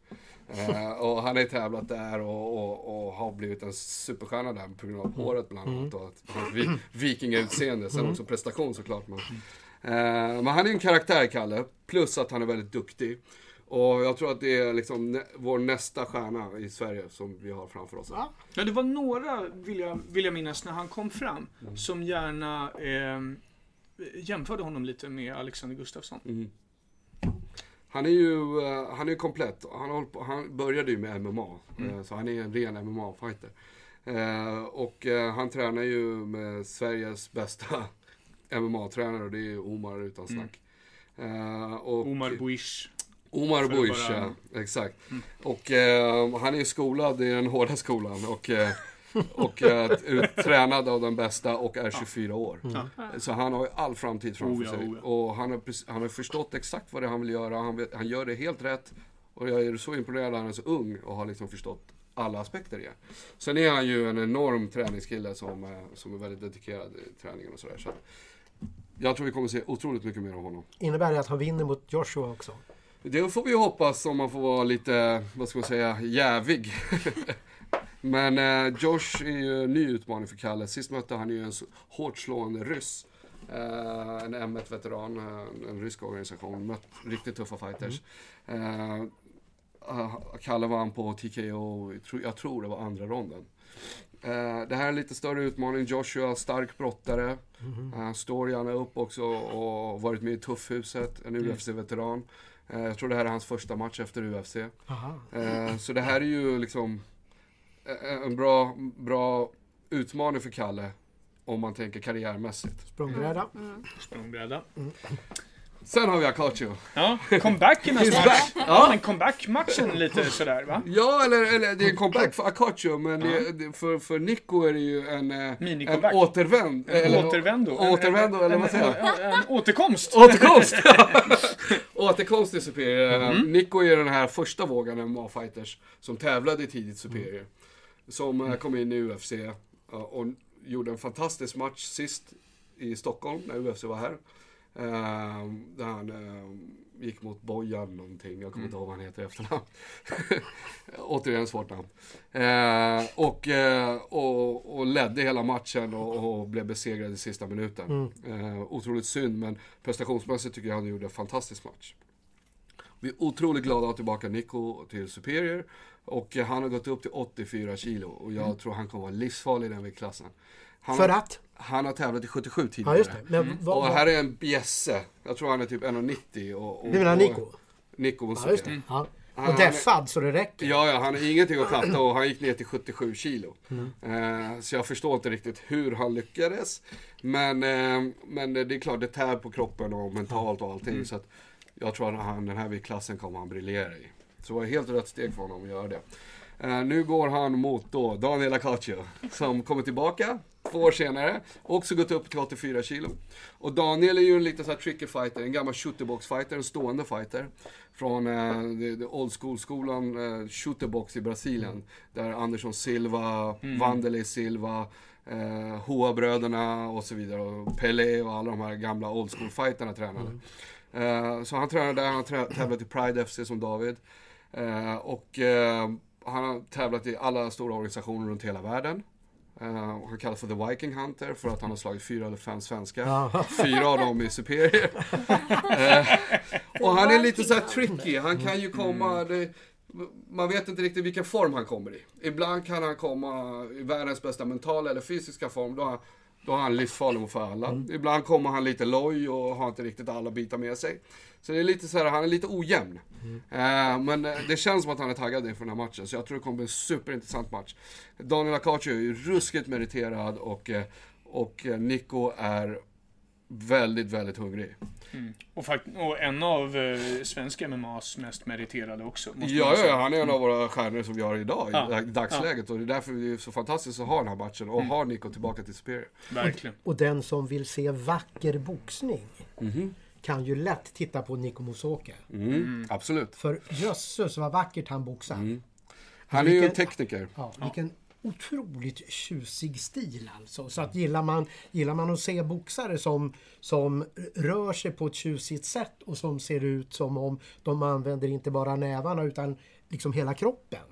Då är ju Niko Musoke en att titta på verkligen. Absolut, och det är alltid underhållande matcher också med Nico. Han, han kör all in. Eh, Och det känns som att han verkligen går in för, för att... eh, han, han tänker inte på att inte riska eller vara safe eller något sånt, utan han kör. Och det blir alltid underhållande. Så jag tror den här matchen kan också bli en av kvällens matcher faktiskt. Statsvetare. Ja. Är han det? Ja, Nej. jo! Ja, vilken stjärna. Han är en superskön karaktär Ja. också. Ja, Han, ja. han är jättesympatisk och väldigt ödmjuk och superskön kille verkligen. Och det, och det är sådana såna profiler vi vill, vi vill ha i vår organisation. för att Jättekul att han är tillbaka. Jätteroligt. Och he's back from UFC, så att vi får se. Nu är vi framme. Nu är vi framme. Ja. The main event. Det är main event. Ett, ett returmöte. Ja! Va? En krispig match. Vilken härlig... vi- vi- Bara Vilken, folkkäre Simon Sköld. ja. Ja. Men vi- vi- vilken chans till revansch han får. absolut. Och eh, jag måste säga så här. Det är, det är ju all cred till Simon som tar den här, tar den här matchen. För det första, Simon behöver ju inte gå in i buren och bli bucklig i ansiktet. Han gör det här för han älskar det. Och, och det kan ju vara någon som misskräddar honom på grund av eh, det han har åstadkommit. Eh, men eh, ja, jag säger så, all cred till Simon, han är en riktig krigare.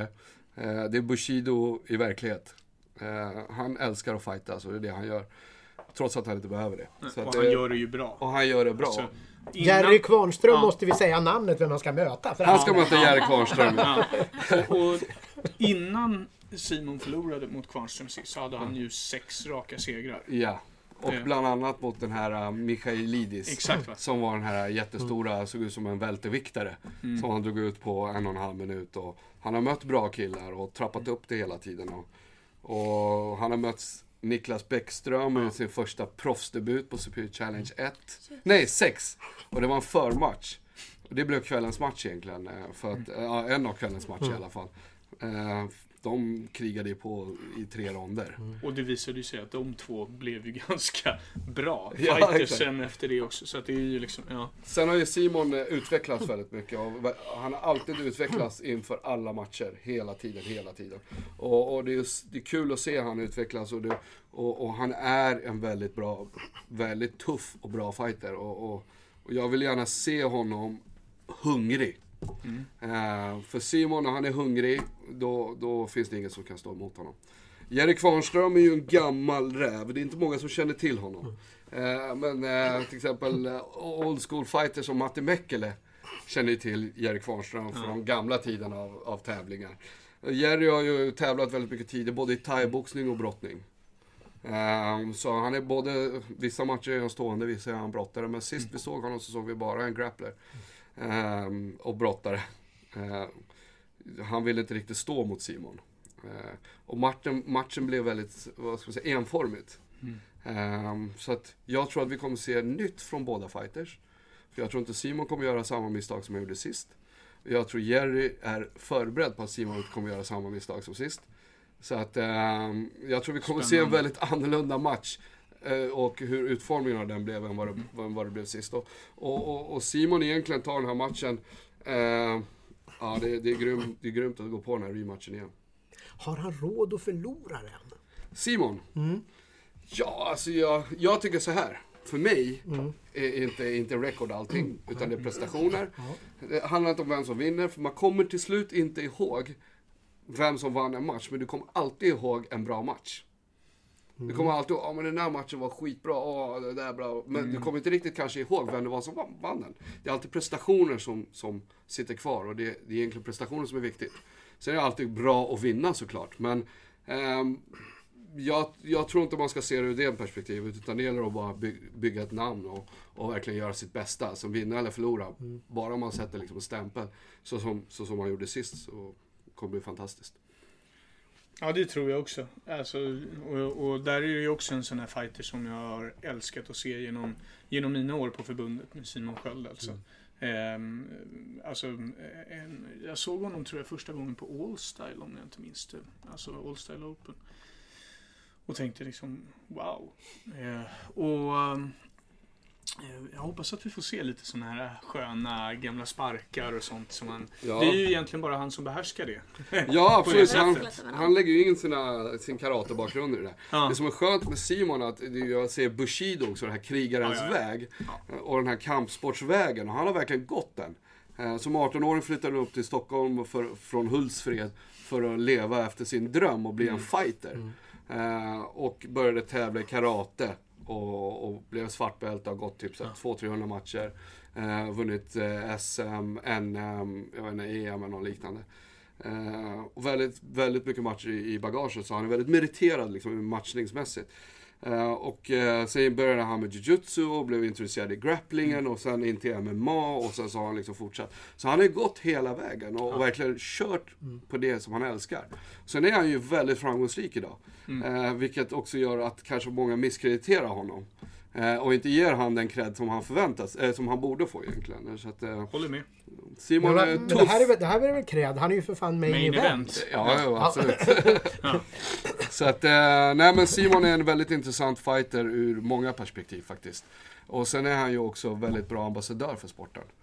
Eh, och inte bara för vår organisation utan för sport och kampsport Ja, ja, ja, överlag, ja, ja. liksom. Verkligen, verkligen. Det är ju en av de, de, de stora eh, profilerade idrottarna i, i vårt förbund, skulle Mm. jag kunna säga.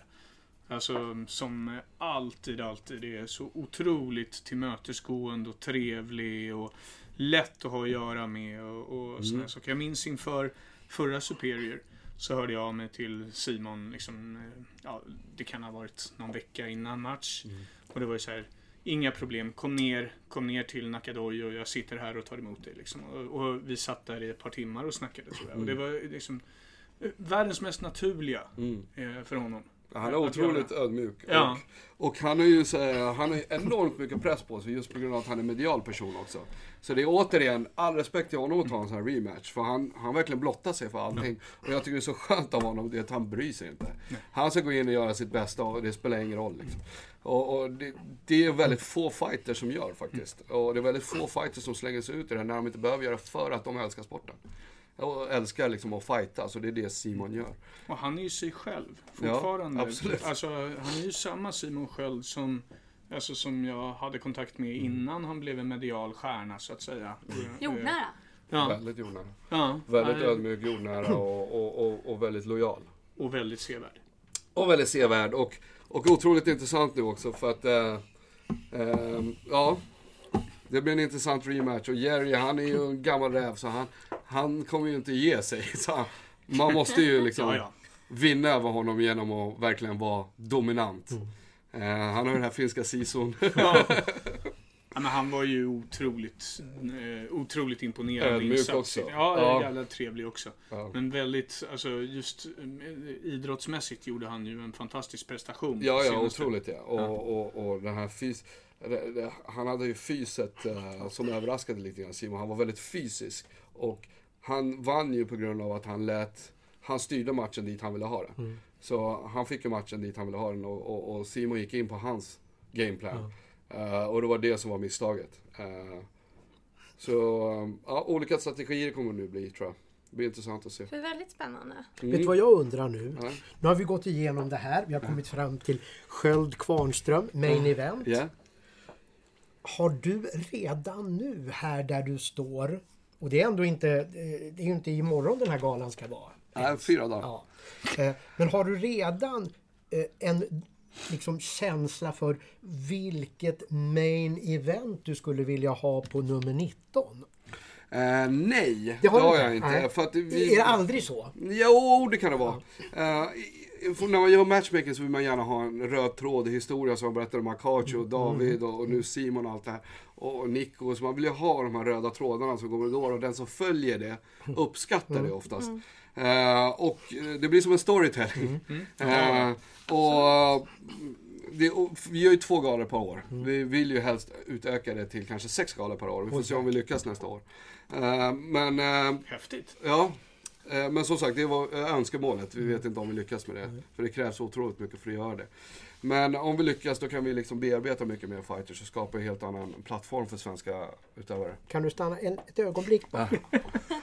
Sex galor, fyra månader per gala Det blir 24 månader. på ett år. Hur ska det... Time travel. Ja, exakt. Ja, men då, då måste man koppla på flera personer. Ja. Eh, då, då måste det kopplas på. Men som sagt, eh, när vi gör två galor då är det väldigt svårt att bestämma min event i förväg. För det är väldigt mycket också just då, vad som händer då och, och just mm, vad ska man säga, möjligheterna som finns just då. Eh, och sen självklart de prestationerna från förra galan i en story som kommer följa med. Eh, Ja, för, och, jag, för, för, för det an, anledningen att jag frågar var ju att du skulle kunna tänka att får han nu revansch Simon så är det kanske vägen mot något. Så Simon vill ju jag ha honom. titelmatch Ja, mot det, eh, Diego. Nunez. Eh, och, och det är ju nästa steg. Ja, så ja precis. Det, är- mm, precis det, är- Det är det fiskar. Ja, absolut. Men för, för att inte lägga allt för mycket eh, Press. vikt, press på Simon där. Så, eh, men två andra saker som jag glömde nämna, det är ju att vi har ju två stycken kval, titelkvalmatcher. Eh, Vi har eh, här bak. det är många lappar att vända på. Vinnaren av Kalle Albrektsson mot Josh har möjlighet till eh, lätt tungviktstiteln. Oh, Och just nu är titelhållaren som har blivit släppt av UFC, som heter Joakim Christensen från Danmark. Han blev eh, upptagen från, från eh, direkt när han fick sin titelbälte eh, bälte från oss så blev han upptagen till UFC. Och nu är han tillbaka och har ingen kontrakt så att då har vi möjlighet att ha tillbaka honom här. Och eh, här är en titelkvalmatch. Skulle ju också kunna bli main event. Ja, alltså det är självklart. Sen har vi eh, Niko Musuke. Nico Musuke är också titelkvalmatch. Eh, Andrew som slog uh, Papi för tre galor sedan, två galor sedan. eh, är ju vår titelhållare från Australien och också före detta UFC-fighter. Och det var hans första match efter UFC när han gick hos oss och fick titeln. Eh, så att det här blir en mellanviktstitelmöjlighet för vinnaren av Nico Musuke mot Daniel Akachi. Och sen självklart Simon, han har ju sin önskemål om att tävla mot eh, Diego Nunez i, i, i eh, fjädervikt. Eh, så det finns ju många, det finns bra repertoarer. Sen David såklart och, och Michel och alla andra. Så poten-. Ja, så Ja. potentiellt skulle Gala 19 kunna innehålla tre titelmatcher. Det skulle det kunna göra, absolut. Mm. absolut. Häftigt. Eller fyra. Eller fyra. Ja, eller fem. det- det- Jag, jag, jag blev lite intresserad här när du pratade om den här röda tråden. Mm. Mm, jag med. Jag med. Eh, Mm. alltså, Bra Ken. är det något som du märker att du får betalt för? Alltså den mödan att försöka hitta den här att inte bara liksom slänga ihop ett antal matcher utan försöka göra något mer. Får du betalt för det tycker du? Eh, Jag tror att det är alltså de som älskar MMA, eller svensk MMA, som verkligen gillar MMA, konsumerar MMA på riktigt själsligt och med hjärtat. De uppskattar det.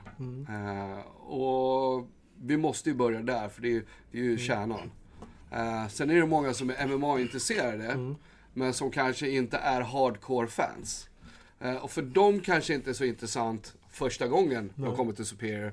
Men om de får den informationen så tror jag att matcherna blir intressantare för dem. Ja, det, det är det jag menar, att, att det borde egentligen vara tvärtom. Ja. Alltså de som redan är mycket intresserade där är det ju ett antal matcher. Men är du inte så intresserad så är det ju, det skulle ju kunna vara, om, du, om, om det bara blev uppmärksammat, Jo. skulle det ju kunna vara ett tecken på att de langar inte bara upp massa gubbar som, eller gummor som Nej. ska möta varandra utan de tänker ett steg längre.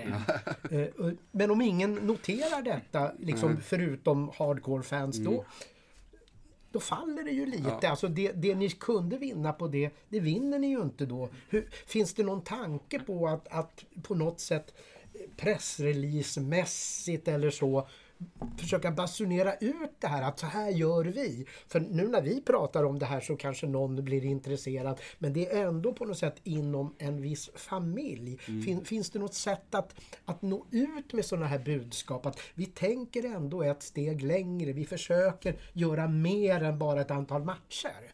Ja, mycket intressant. Eh, Och, det, är jätteviktigt det där som du är inne på. Eh, För att skapa ett intresse för matcherna så, så eller det blir intressantare för den som tittar Ja. och har kunskap om de som tävlar. Ja. Eh, så att det, det är jag helt med dig om. Eh, och du har fullkomligt rätt. Eh, Det svåra är att få ut, Ja. eh, kommunicera det och få någon att nappa på det och kommunicera det vidare. Eh, än så länge så har vi ju inte den bevakningen från, från traditionell press och medier. Eh, som inte är intresserade av det. Utan man är kanske intresserad av, eh, av någon skräll som kan sälja, tid, Mm. som kan sälja tidningar. Eller man är intresserad av, av bara det absoluta toppen. Liksom. Bara Ja, pre- Sköld. Precis. Eh, eh, ja, I bästa fall liksom. Och eh, det vore ju eh, det vore intressantare om de var intresserade av vår sport precis, eller det vi håller på med precis som man uppmärksammar andra sporter som är egentligen inte på samma nivå heller utan de, mer på en amatörnivå. Som uppmärksammas, vilket inte kampsporter får det utrymmet i media. Eh, Så det, vore, det, är ett steg i det, men eh, vi försöker ju få dem att göra det. Vi skickar ut pressreleaser konstant. Och, och det hjälper inte. Nej, Nej. alltså i bästa fall så är det några artiklar Ja. eh, i, eh, om, om Simon Sköld till exempel. Ja. Eller om det kan vara Alexander Gustafsson då, men då är det inte vi som skickar med. Det är det som snappas upp Mm. av, eh, av medierna. Vilket inte är så dåligt. Eh, nu har vi ju Simon Sköld, ju, har ju den pressen på sig också, att han är också eh, ute och representerar galorna Mm. väldigt hårt medialt. Han kommer vara med i Godmorgonsoffan på lördag, han är med Mm. te- i Godmorgonprogrammet på TV10 på torsdagen, han är med på massor intervjuer och allting. Och, han gör det här på liksom invägningsdagen, han gör det efter invägningen, han gör det innan match och, och, och han har ju all den här mediala pressen på sig också som, som ingen tänker på egentligen, som inte de andra fighterna har. Så han har enorm press medialt och, och ansiktet ut och allt det här. Så att, eh, det är jättebra att, att han uppmärksammas. Det är alltid ett steg i, liksom, i rätt riktning. Det kommer komma tror jag. Eh, vi försöker, via Play gör ju lite promomaterial nu, lite klipp med fyra fighters som de kommer sända. Ehm, och det kommer kommuniceras ut via TV10 senare också. ehm, under sändningen. Och, och, och ju mer folk får, får upp ögonen för fighterna och lär känna dem, så förstår de vilka prestationer de gör också. Och, och hur mycket de uppoffrar för att vara där de är. Men där gör ju ni en jätteinsats skulle jag vilja säga. Alltså i, i kanske det lite fördolda på något sätt. Alltså, det, jag kan intyga om att Babak är en av de som skickar allra mest och bäst pressmeddelanden. Ehm, och och eh, organisationen i sin tur också. Då. Och ni har ju verkligen alltså, eh, förstått det här med storytelling också och hela den biten. Inte bara synligt era, era eh, fight cards. Nej. Utan också i liksom sättet ni, ni lyfter fram matcherna i de här pressmeddelandena och sånt. Och det tror jag är jävligt viktigt. Mm. Sen, eh, sen är det ju så, jag menar, ni har ju förstått den här grejen också. eh, Och det, har, ju- det gör ju kampsport väldigt bra. Eh, Vi har ju varit inne på det med showbiz. Mm. Alltså, det, idrott är på något sätt kultur och teater. Alltså, om Mm, man, ja, om man ser på det. det. Och där, är ju, där ligger ju kampsporten ganska bra fram i att lyfta fram de grejerna. Så kan man ju kanske dra parallell till liksom, eh, regissörer och sånt där. Eh, Shakespeare och lite Ja. annat. Och ni har ju haft en Hamlet också. Ja. Eh, Ja, exakt. Ja. Eh, nej men eh, alltså den grejen är ju viktig att förstå. Men det är ju, det är ju som du säger, det är ju inte alltid media hinner med att göra de grejerna Nej. heller. Och, och, och sätta sig in i komplexiteten i Både liksom hur det är att eh, arrangera saker och så vidare. Vi hade ju Kassra i podden för några något år sedan Ja. som berättade Ja, ungefär ja. samma bekymmer. Ja. Liksom. Ehm, att det, det är jättesvårt för en svensk, ehm, eh, ett svenskt arrangemang Mm. att nå ut medialt. Just på grund av den här kanske motsträvigheten som Mm. har funnits lite grann. Som är på väg att luckras upp också som du säger. Men det tar ju tid, Mm, Det tar men man är tid, ju ja. otålig liksom. Ja, och, och sen är det ju det, det, det, som säljer bäst, det är ju det som man, man profilerar. Ja, ja. Mm. Och så såklart. är det ju. Och, och kampsporten är ju på väg upp men, men fortfarande är det de stora sporterna som säljer. Så att det, Ja. Ja. Hur mycket av en sordin är UFC för Superior? Alltså UFC har ju nu ändå kommit till en nivå där UFC börjar ändå bli ett begrepp för även sådana som inte är så intresserade. När, när UFC som initialer dyker upp då, då, då, då är det som om folk har ett begrepp om att det här är stort, det här är nog bra. Hur, hur, hur, hur, hur, vilken belastning blir det för Superior? Alltså UFC har gjort, de, ju, de, de har ju för det första otroliga muskler idag. Så det, det är en enorm organisation. Uh, sen kan man tycka lite olika om deras strategier och sådär. Jag gillar ju mer så här Bellator och deras showbiz än vad UFC gör. För UFC vattnar ju ur eh, idag, känner jag, eh, sina fighters och matchningar och det pågår matcher varje vecka och det, finns inget intresse kring det. Är mer att det känns som att de försöker bara suga ut så mycket pengar de kan så kort tid som möjligt. Eh, till en början så var det lite annorlunda. Och, och jag är som sagt återigen till Pride FC, den japanska organisationen. Där man längtade efter matcherna som kanske var en gång i månaden eller något liknande. Eller en gång var sjätte vecka. Då längtade de, de byggde upp hypen som du var inne på kring de här fighterna. Lyfte upp dem som liksom riktiga stora hjältar. Som det var ju helt otroligt att se dem här mötas. Det var ju som en klimax och, och det finns inte riktigt idag i UFC tycker jag. Bellator gör det ju, tycker jag, bättre och matchningsmässigt så har de ju lite intressantare matcher också. Eh, Sen är UFC all cred till dem. För att de har också bidragit till sportens utveckling idag. Internationellt. Eh, och den moderna MMA, eh, moderna MMA-formen eh, växte ju fram i UFC 93. Eh, och sen dess har det varit världens mest växande sport och är det än, än idag. Det är mycket tack vare UFC såklart. Eh, vi har ju tagit efter dem. Eh, så de har ju gått i bräschen men det är dags att lämna över till andra också. Men, men, men jag, jag, jag tänker så här apropå UFC och, och en del grejer som man ändå på något sätt undrar om. Det är ju McGregor, det är Jones tillbaka efter alla möjliga grejer. Är det så på något sätt att de är på väg att inte bli så här gediget utan mer en effektsökande organisation som, som har några starka kort och sen inte så noga med vad man har bakom det. Eller hur ser du på dem? Jag förstår att det kanske kan vara känsligt att och, och, och klanka ner på en konkurrent men du får ändå chansen. Nej, men jag, jag, är, jag är inte den som är blyg när det gäller sånt. Jag är ganska rak på sak. Och, eh, och jag både creddar och, och, och visar de negativa aspekterna ur mitt perspektiv. Det är min personliga åsikt och, och jag är inte rädd för att se den. Eh, jag tycker att sen, senare, efter deras uppköp så har de fått en annan strategi. De blev ju uppköpta av eh, en liten konstellation med olika mediebolag, bland annat DMG. Och, de eh, har, har fått en helt annan approach. De är väldigt mycket ute efter show och spektakulära händelser. Alla ska vara som McGregor. Ehm, och eh, McGregor är fantastisk. eh, men alla kan inte vara som han. Och det blir lite tafatt tycker jag. Det blir lite så här tamt. ehm, när man försöker hela tiden jaga det här spektaklet. Ehm, sen är det också, hela deras approach och allting har blivit mer, mer urvattnande. Ehm, så, men jag, all cred till dem. Menar, de gör ju det, de är största organisationen i världen idag. Ehm, så att, eh, och de har gjort det under så många år och byggt sporten. Så att man får ju vara tacksam för det de har gjort också, absolut. Ehm, men vi har ju någonstans varit ett trappsteg mot UFC. Nu kan det vara lite negativt att säga så, men det är samtidigt också positivt för att visa vilken nivå vi ligger på. Vi har byggt, för att skryta då, 18 stycken UFC-fighters. Eh, 18 fighters har gått från Superior till UFC och det är inte bara svenskar. Utan det är fighters från Brasilien som Thales Leites. Det är till exempel danskar och det, det är, det är Efrain Escudero- som då var mexare, nu amerikan. Så vi har ju även byggt upp andra fighters till UFC. Och vi har byggt sex fighters som har fått kontrakt med UFC direkt efter ett titelförsvar. Lina Länsberg, Reza, eh, Illir, eh, Joakim Kristensen och så vidare. Så att, eh, och sen har vi tagit emot typ 20 fighters från UFC också.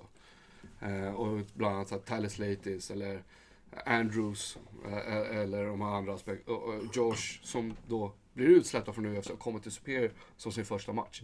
Så vi har ju liksom varit ett trappsteg ut och in från UFC. Och, och vi har ju varit en inofficiell farmaliga.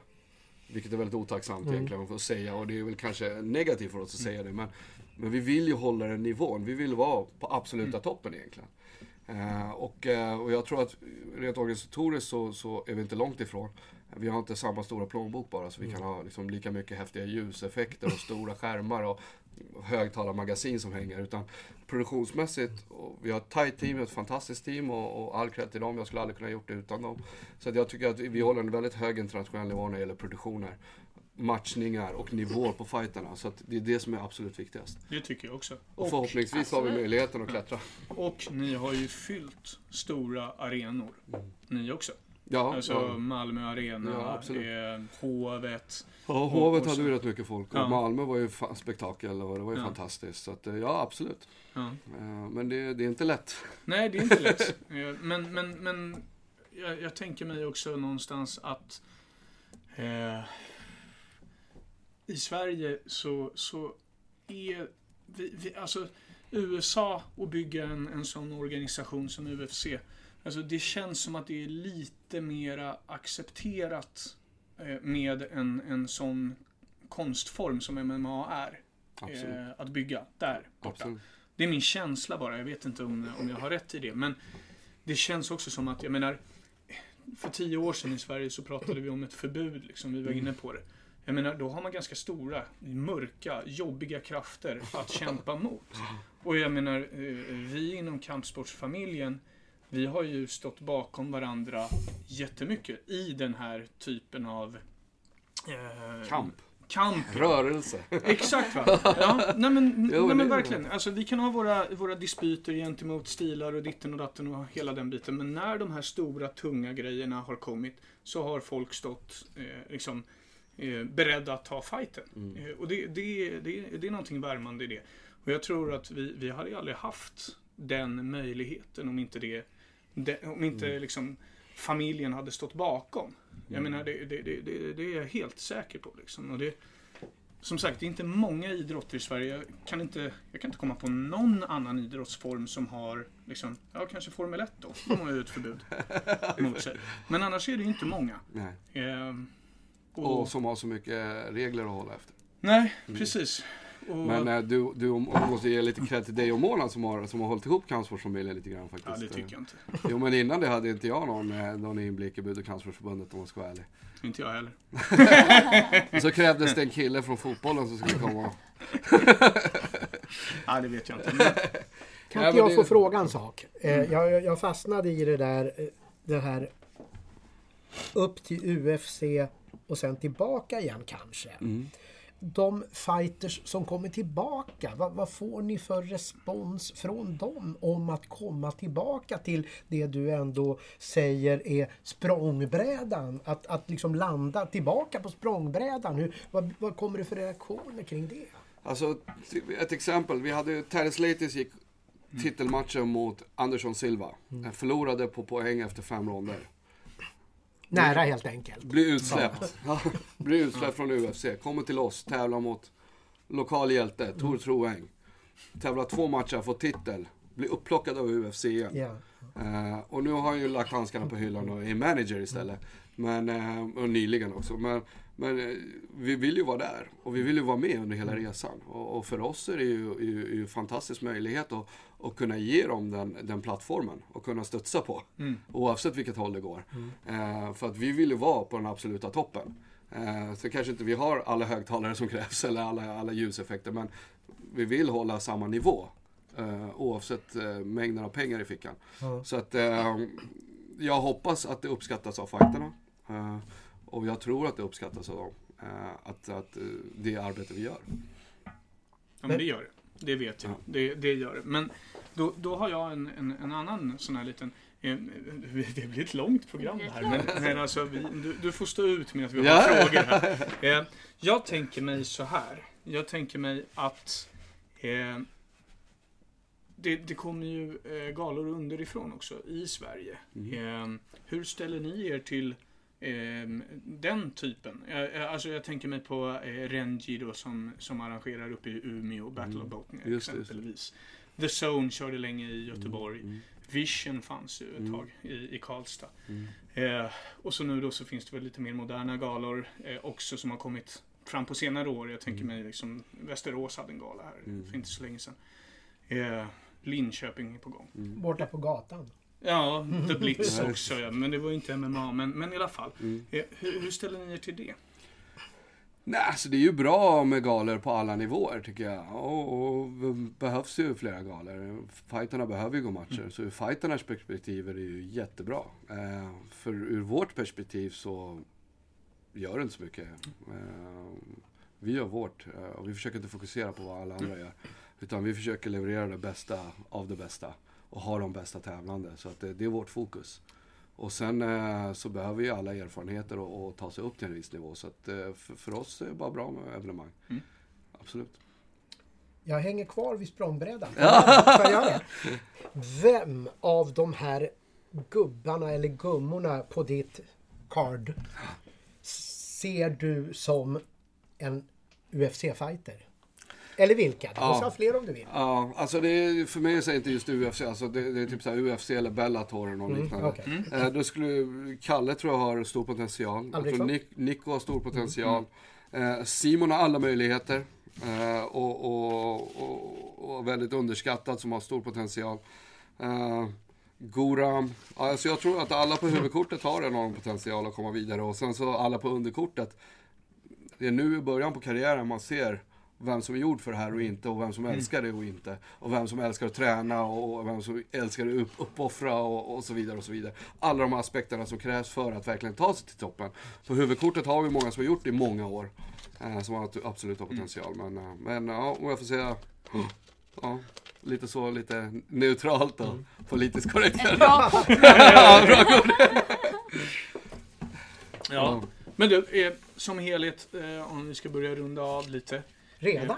redan. Eh, vad kan man förvänta sig av den här galan som helhet på lördag? Eh, jag, tror jag, jag tycker det är en jätteintressant plattform att samarbeta med Fitnessfestivalen. Där eh, om alla som köper Superior-biljetter har ju möjlighet att gå till Fitnessfestivalen under hela lördagen och tillträde till hela, hela både kampsportsfestivalen och Fitnessfestivalen. Och sen kan man krydda kvällen med eh, MMA-action på internationell nivå. Eh, och, Vart eh, köper man biljetter? Man köper dem på Tixter eller på vår hemsida superiorchallenge.com. Och eh, vi har ungefär 300 biljetter tror jag, max kvar. Oj! Ja, Mm. så det är först till kvarn som gäller nu. Kommer, och det är nu försäljningen drar igång så det kommer gå fort. Eh, Härligt. Ja, om man inte får tag på biljetter då ska man, eh, då ska man titta på TV. Via Play, om man har det. Och titta på hela kortet. Eh, är man utanför Norden så på, på Fight TV. Men via Play sänder alla matcher. Och vill man se bara toppmatcherna då kan man slå på TV, TV10 klockan 21.30 för att, för att se huvudkortet. Eh, så vi har bra räckvidd. Verkligen. Härligt, verkligen. Kul. Och, Och, och eh, det, det förtjänar att påpekas att redan i början kommer ju två stycken svenska världsmästare på amatörsidan. ja, absolut. Anna Tre och? Smajic. Vänta, vänta, vänta. Det Och var Serdar. fler. Ja, Serdar. Fyra. Ja, fyra. Rosten. Så att, det- Eh, nej men allvar, ja. det, jag menar, Ja, ja. Det, det, är Irman. inte, det är ju inte, det är ju inte dassigt på Nej, något nej, sätt. nej, alltså, nej. bara, för att det är, bara för att det är långt ner på... Nej, Verkligen nej, nej. inte. Alltså oftast, det är, jag, rent erfarenhetsmässigt, det är underkortet som brukar leverera Ja. action. Eh, och kvaliteten kommer oftast på hu- huvudkortet. Men mest action och mest adrenalin och, och, och mest spektakel är på underkortet. Eh, och huvudkortet är mer kvalitet och, och erfarenhet. Om du får avsluta den här podden med någonting, vad vill du säga då? Eh, eh, ja, vad ska man säga? Håll i Inget askmoln. Inget ask. Nej, men Kom på lördag. Kom på lördag. Kom på lördag. Försök få tag på biljetter nu. eh, innan det är för sent. Annars så titta på TV. Och biljetter var superiorchallenge.com och Tixter Ja, som gäller. superiorchallenge.com räcker. Det räcker. Det räcker. Bra!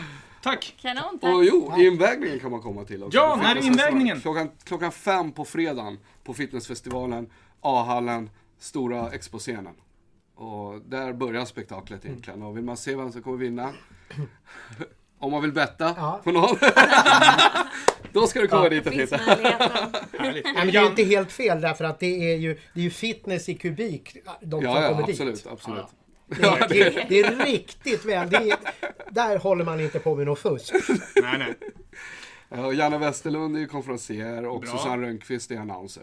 Bra. Eh, och sen har vi ju våra, våra domare. Mm. Bobby Rehman och Kevin Sataki som är huvuddomare.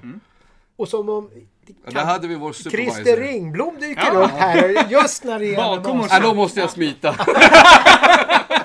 Ja, är det han som är supervisor? Ja, då är det dags att gå. Nej, det är bra. Okej, men du Babak, nu tror jag och Orange. Han fick en hjärtattack här. Du, du börjar ju peka hotfullt mot mig så att då undrar Jag tänkte säga att nu har vi hållit på i nästan två timmar så att Oh. nu är det dags att avrunda Ja. det här fina avsnittet och tack Babak för att du kom. Tack så mycket. Mm, tack så Så mycket. ser vi fram emot lördag. Det gör vi. Tack. Tack! Tack. Tack för att jag fick vara här.